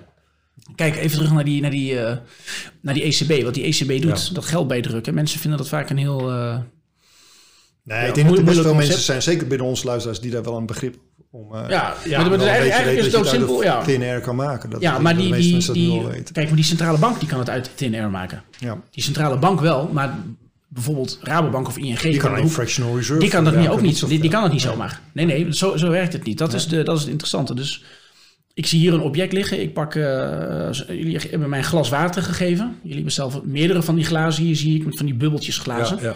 Nou, hartstikke mooi. Wij zijn dat de de ECB van de bubbeltjes. Jullie zijn de ECB. Oké, prima. Jullie hebben een kast of jullie hebben een apparaat beneden staan hè, van Bots. En Bots doet dat. Die maken bubbeltjes glazen. Oneindig veel kunnen ze eruit spuren. Nou, wat doen jullie dan? Jullie geven eh, mij zo'n glas. En ehm, ehm, dan, dan wordt dat geruild voor geld. Dat is eigenlijk hoe dat, hoe dat gebeurt. Maar ik zeg het verkeerd om. Ja. Dus, dus een, een, een bank als ING bijvoorbeeld, die heeft een hypotheek aan iemand verstrekt. Dat ding zit eh, ja, net afgesloten, zit 30 jaar vast. Dan zegt de Europese Centrale Bank: geef mij die hypotheek maar. In ruil voor vers geld. Ja. Tegen de waarde van die hypotheek. Want dan heeft de, de centrale of de lokale bank ING heeft dan bijvoorbeeld weer eh, ja, verse liquiditeiten op de balans staan. En in plaats van dat ze het dus al hebben uitgeleend, ze kunnen het nog een keer uitlenen, dat geld. Dat is het effect van wat de centrale bank doet. Alleen dan moet ING dat wel doen. En wat is nu het wrangen? Wat zie je nu gebeuren? En zeker ook omdat we dus, zoals Dambisa Moyo, bruggetje helemaal naar het begin van het gesprek. Ja, ja, ja. Omdat eh Dambisa Moyo, die heeft, die heeft al gezegd van ja, wij zitten ver in, eh, in een situatie reeds met eh, overkreditering. En je hebt daarom, ook door Dirk Scheringa en zijn leen van Frisia, zijn de leennormen aangescherpt. Ja, dus als een persoon nu zegt, oh, er ligt vers geld nu bij de ING om de hoek. Ja. Ik ga dat lenen, want dan ga ik mijn keuken vernieuwen. Ja, is het niet. Hè, dat mag dus niet meer. Nou, dan krijgt dus die ondernemer die eigenlijk die keuken Ja, die particuliere ook niet. die kan nog net, maar het bedrijf dat wordt wel erg lastig. ja, dat precies. Dan dus, dus die, die leennormen die worden dus aangescherpt. Ja. En dat is het problematische van wat de ECB nu doet. Hè? Want zo ziet de ECB dat. staat gewoon op de website. eh, in al die communiqués wordt dat gezegd. Zij drukken geld bij. eh, out of thin air, zoals je zegt. Dat geld, die liquiditeiten, die geven ze aan, de, aan ING. ING moet dan iets terugstorten. Dus ING wordt van Ja. die handeling op zich niet armer of rijker. Tenzij ze dus ervoor kiezen om dat verse geld te ruilen voor een, eh, voor een zieke koe. Daar ben ik bang voor. Maar dat, Ja. maar dat terzijde. Maar goed, Ja, is maar dan dat kun je als. ECB goed doen. Hè? Je kunt lekker eh zieke koeien of bijna zieke Ja, dan koeien geef- ja. opkopen in ruil voor eh, vers krediet. Dat is natuurlijk fantastisch. Precies, Maar- ja, maar we moeten dit doen om die ondernemers te helpen. Maar dan, geef je eigenlijk gewoon, dan geef je gewoon staatssteun. Maar goed, en wat, wat kun je nu dus zien gebeuren? En als mensen dat moeilijk vinden om te, om, om- te geloven, zoek gewoon de jaarrekeningen van die banken op. Ehm, wat er gebeurt is dat die banken, die durven dat geld niet uit te lenen. Nee. Dus ik zag net de eh, mogen en durven. Precies, durven, dus een ook combinatie. Ze durven het ook zeker niet. Nee, dus ING had op deze manier, ehm, heeft, eh, ING had tot, tot en met 2019, vlak voor corona, hebben ze 63 miljard euro aan oude leningen, hebben ze aan de ECB gegeven. In ruil voor, nou je raadt het al, 63 miljard euro vers uit de printer. Ja. Dat, dat is een opgebouwd potje. Hun post leningen, wat zij uitlenen aan de samenleving, Die dat daalt al daalt. jaren. Want, want dat daalt al jaren. Want ING ziet ook wel die overkreditering. En ING luistert ook naar mij. En die kijken ook naar al die podcasts en dingen. Dus die weten van, hmm, we moeten de balans verkorten. We gaan balansverkorting doen. Ja. Daarom kunnen ze geen extra leningen eh, aangaan. En de ECB die zegt dan nog van, nou, eh, dan gaan we je een boeterente geven... die dan wordt doorgegeven aan de spaarder. Daarom is spaarrente ook weg. Maar dat, dat, is, dat is kort en goed wat er gebeurt. Nou, als je nu kijkt naar dat coronafonds. Want ik zeg dus alles wat corona, dat hele coronafonds geldt. Dat dat in zijn geheel naar Dirk gaan moeten gaan. Ehm, de jaarrekening van ING liet begin dit jaar. Of eh, laat ik, het, eh, ik moet het goed zeggen. Op 31 maart 2009, eh, 2020 was het overtollige potje kasgeld van de ING. Dat was 63 miljard euro. En het is nu verdubbeld in drie maanden. Ja. Dat Dus ING wel. heeft gewoon 120 miljard euro aan dood geld liggen. En ze moeten er geld op toeleggen om dat te hebben van de ECB. En ze, doen er niks mee. Nee, als ING zegt, wij willen, wij willen nu ondernemers helpen. Ze hebben 120 miljard euro liggen, maar ze doen dat bewust niet. Om die redenen die we net noemden. Ja, dus deze route om ondernemers te helpen, daar moet, daar moet, en ik vind ook dat Is dat dat dan moet, wat dat ze moet dat, meer wordt, besef wordt hebben. die ING dat opgelegd? Nou, ING krijgt wel strengere leennormen. Ja. Ja. Bijvoorbeeld de hypotheeknormen, die zijn bijvoorbeeld aangescherpt. Liquiditeitsnormen? Nee, en- zo? nee, ik moet zeggen, uit eigen verhaal heb ik dus laatst in een MKB-situatie dat ook meegemaakt met, eh, met een bepaalde bank. En het is bijna ook mensonterend eh, wat er gebeurt, wat er vragen gesteld wordt en zo, om überhaupt iets, te, een rekeningkrant eh, te openen. Ja. Dus je ziet er al snel vanaf, omdat je denkt van hier ga- wil ik niet eens aan beginnen. Ja, ja. Maar eh, dan is het heel lastig, weet je wel. Is het nou echt een onwil? Of is het... eh, is een combinatie. Of is, of is Het het, is een gewoon de eis die er ligt? Want soms is het ook wel... re- Dat zijn de vragen die gesteld worden ook nog wel redelijk. Dat je denkt van ja, terecht dat je het vraagt als je geld uitleent. Maar als je het gekregen hebt, ook min of meer om, het is om echt te gaan stimuleren. Want dat was het idee. Ja, Maar hoe krijg je dan geld naar de economie? Weet je, Dan moet al je het geld gaat nu naar moet de beurs. Je al, moet- ja. al het geld gaat naar de beurzen toe. En daar kun je wel lenen. Daar wordt volop geleveraged. En de beurskoersen die ondanks corona blijven die gewoon hoog. En straks gaan ze nog om die hoger. reden. Om die reden. Eh, Moet je dan Jesse Klaver, Klaver maar volgen? Gewoon, eh, je moet dat- je moet dat die gewoon- 10.000 maar een tonnetje de neus eh, gewoon aan cash. en, eh, succes. En dan kunnen we de inflatie opbouwen. Ja, of, eh, of naar Dirk Schering gaan. Maar dat, Oh ja, ja, ja, sorry, ja, hetzelfde. ja, ja. Ja, Ja, kijk, sorry wij- Jesse, wij je moeten bent je geld weer de- kwijt. Anders gaat. Ja, ehm, kijk, als je Wat alles zal Dirk ermee doen dan onder de vol onder de LSD? Nou, het, het, mijn idee was dat hij het alle roodnummer eh Als een eh rood 9. wel, wel, op, Eh, eh, wel op DSB rood. Ja, in ieder geval. precies. Eh, nee, maar kijk, in de, als je alles samenvat van waarom dit niet werkt en waarom wij problemen hebben met ons bankwezen, dat is precies wat Dambisa Moyo al zei. Wij zitten in een periode van overkreditering. We hebben heel lang hebben we een bevolking gehad die vergrijsde en die veel meer kredieten mocht nemen. Eh, dus, eh, gewoon een rekening openen bij de bar. Nou, dat is in het begin leuk en na een tijd moet je afrekenen. Dan heb je dus een kredietcrisis. Dan kom je tot de ontdekking dat er te veel krediet in jouw samenleving zit. Ja. En als je eh, daar bent aangekomen, hè, dus je, hebt, je bent ziek door een overschot aan krediet, dan kun je die situatie niet oplossen met nog meer krediet. Nee. En dat is wel wat er nu wordt geprobeerd. Ja. En het enige wat je, het is alsof je een alcoholist eh, probeert gerust te stellen door een tequilaatje met hem te gaan drinken. Dat is wat de centrale bank nu doet. Mhm. En ehm, Maar vaak gaat het toch, wat je toch wel ziet, ik, om nou Sommige mensen denken misschien hier dat we richting naar het einde van de wereld gaan. Kijk, de economie We wordt gaan, wel... we gaan niet naar het einde van de wereld. Nee, de economie we wordt gedreven ja. door, door, door eh, inventiviteit en, het- en, en geld is als het ware eh, niet hetgene wat de economie maakt. Het zijn de mensen die de economie maken. En dus dat zie je ook wel vaak, bijvoorbeeld na een Eerste Wereldoorlog of een Duitse eh Ja. eh, Weimar hyperinflatie. Dat, dan, de herstel gaat ook weer heel erg snel. Ja, dat is ook zo. Het is lekker En kijk, schoon allemaal weer. Ja, Precies, en, iemand, die, iemand die tijdens de hyperinflatie eh, schoenen repareerde... en het op een gegeven moment maar ging ruilen voor brood... Ja, die gaat het nu weer via D-marken doen. En op diezelfde manier kun je dat ook doen. Dus ja, Haarlem is bijvoorbeeld, ik loop hier dan rond... dat is toch echt een prachtige, stad. Ja, je hebt wel een paar Als- crisis overleefd. Heeft een paar crisissen overleefd, een of ander beleg. En, eh, en, en, maar die hypotheken die hier ook op de huizen komen te zitten... Ja, daar zijn- klopt geen zak van, Nee, echt niet. In Amsterdam is het helemaal ziek. Dat is gewoon een ponzi-scheme, is een piramidespel. En de banken, en ABN AMRO, ING, Rabobank en SNS... die hebben hier aan meegedaan. Ja, maar ook En, buitenlandse en ook partijen. buitenlandse partijen. Maar het zijn, het zijn vooral die Nederlandse banken die dan eh, die veel te hoge hypotheken verstrekken of ze dan doorverkopen. En dat zorgt voor het, ook voor dat effect. Dat, ze de prijzen. Ze, ze stonden erbij, ze keken ernaar. Is krankzinnig. Die, al die banken die moeten gewoon kapot. Dan ga je die betaalfunctie laat je overnemen door fintech-achtige eh, oplossingen. En die schulden, die gekke koeien hè, met, een, met een lening bij je schoonmoeder, zoals ik ze noem. Toxic assets van Deutsche Bank, maar ook van Nederlandse banken. Afschrijven uit die pensioenen. En dan, dan, heb je het, dan heb je datzelfde huis nog. Heb je diezelfde bakstenen nog. Maar dan wordt die ook wel weer betaalbaar voor die verpleegster. Die net heeft eh, over moeten Ja. lopen werken. En dus een eh, leuk zakcentje kreeg. Maar, die, de, de- omdat jij nu... Maar, eh, maar, maar, omdat- maar dat huis, maar daarom zeg ik dat. Maar Angela het huis met is er nog. Nee, heeft met je, Ja. naar jou geluisterd. Dus, dus daar gingen de lonen wel naar twee ton per jaar voor de verpleegster. Dus, eh, Ja, dat is, Dus ja, in. Nederland doet dat is daar aan mee. En dat is de, ja, ik dus, de, dus dan moeten dus fu- fundamentele keuzes gemaakt worden. afschrijven. Ja, Maar dan gaan, gaan ook je pensioenen eraan. ja, En er is wel een partij, ik zeg altijd, er is wel een partij 50 plus, maar geen 18 win.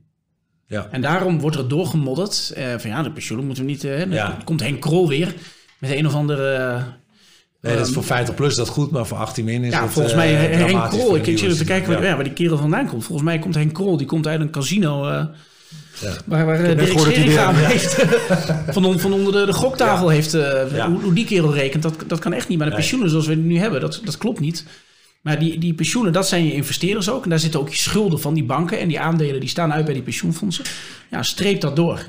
En begin Ja. bij het aandelenkapitaal van die banken. Zeg meteen van, wij gaan nooit banken redden. Eh, dus Nederland moet dat Europees verdrag dan maar schenden. Steken we gewoon een middelvinger op. Ja. Waarom zou je iets doen als je dat destructief als, is? Maar als jij artikelen Maar dan- dan- ben je dus- dan ben je zijn van ze die- instant failliet. Hè? Dat, Ja, dus dan moet je wel even een beetje voorbereiden dan. ja dat is gewoon hard de pleister eraf trekken. Ja, Ja. nou ja. Want ze gaan toch, daarom staan die koersen al zo laag. Want Goldman Sachs ziet dit al zes Ja, jaar aan. ja, daarom zeggen. staan die koersen zo laag. Ja, ja, ja. En soms is dat Dus ook de, heel beste- veel is al verdisconteerd. Ja, ja. Ja. En het pleister er hard aftrekken is soms de beste remedie, hè? ja Dat kunnen we wel zeggen. Ja, dat denk ik wel. alle, en dan gaan alle aandelen naar Tesla. Ja, maar dan begin je weer opnieuw. Ja. Maar er staan die stenen, die, die stenen die staan hier nog. Ja, dat is zo. Die mensen die overwerkt zijn in de zorg, die kunnen nog steeds wat ze kunnen. En dan ga je alles opnieuw financieren.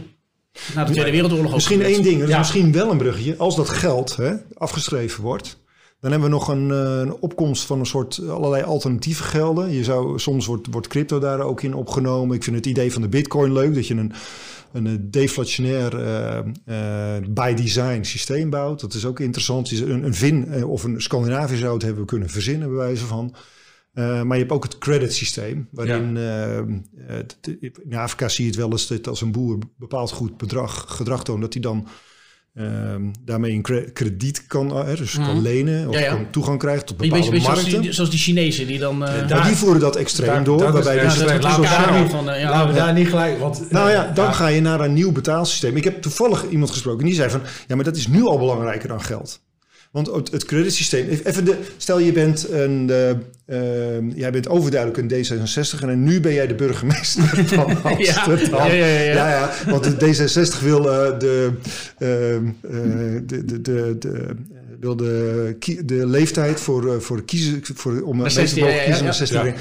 De, maar goed, jij eh, ziet dat ehm, je wil iedereen toegang geven tot, tot de mogelijkheden van de maatschappij. Alleen parkeren is inmiddels 20 euro per uur. Ja. Dus dat is alleen nog maar voor de, voor de happy view. ja, ja, dat je op die manier... Ik, ik snap Ja. wat je bedoelt. Dus jij zegt, ik vo- voer dat om. Ik, nee, ik ga mensen die zich goed gedragen. Kijk, die, die, die verpleegster die ook nog eens ehm, eh, Ja, andere goede dingen krijgt- doet, die krijgt een andere die mag er wel Ja, parkeren. ik hoop dat dus dat ik heb niet, een social eh, credit nee, systeem. maar dan, ja, dan moet je ja. iedereen overal volgen. En dan, Ja, dan en beginnen we echt op China te lijken.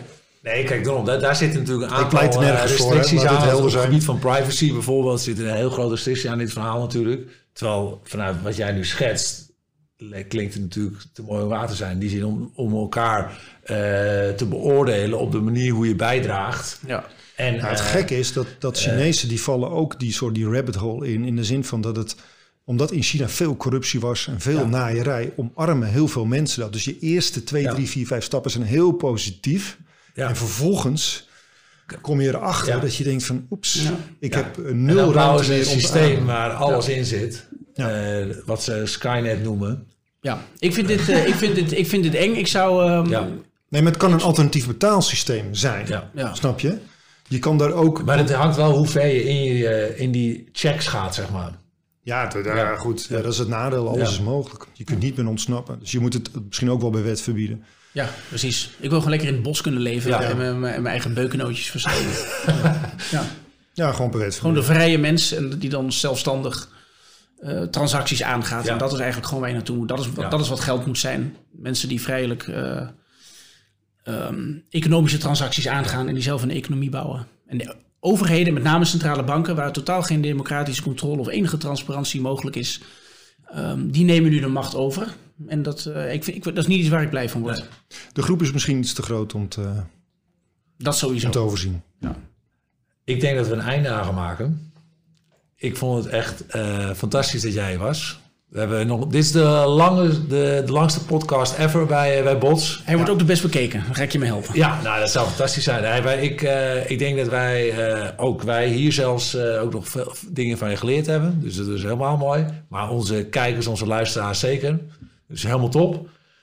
Michiel, jou bedankt. Voor al je... Weet je toevallig in welke podcast je als... Er stond nog één vraag over. Even nog een vraag. Wat mijn leukste... Wat is de afsluiting? ik snap dat ik, dat ik echt aan het zieken ben. Ja, nee, zeg maar, dat ga door. Nee, zeg maar. Maar, maar, geintje. maar weet je hem of niet? Ja. Sorry, wat... Je, je favoriete podcast? Oh ja, dat was nog... ja, ja, ja, klopt. Madelon Vos, dat was ik laatst. Dat is weer Ja. in die auto. Ja. Dat is, top. maar, maar nu, nu zijn Ja. jullie het. Vos, Bots, allemaal Ja. hetzelfde. Whatever.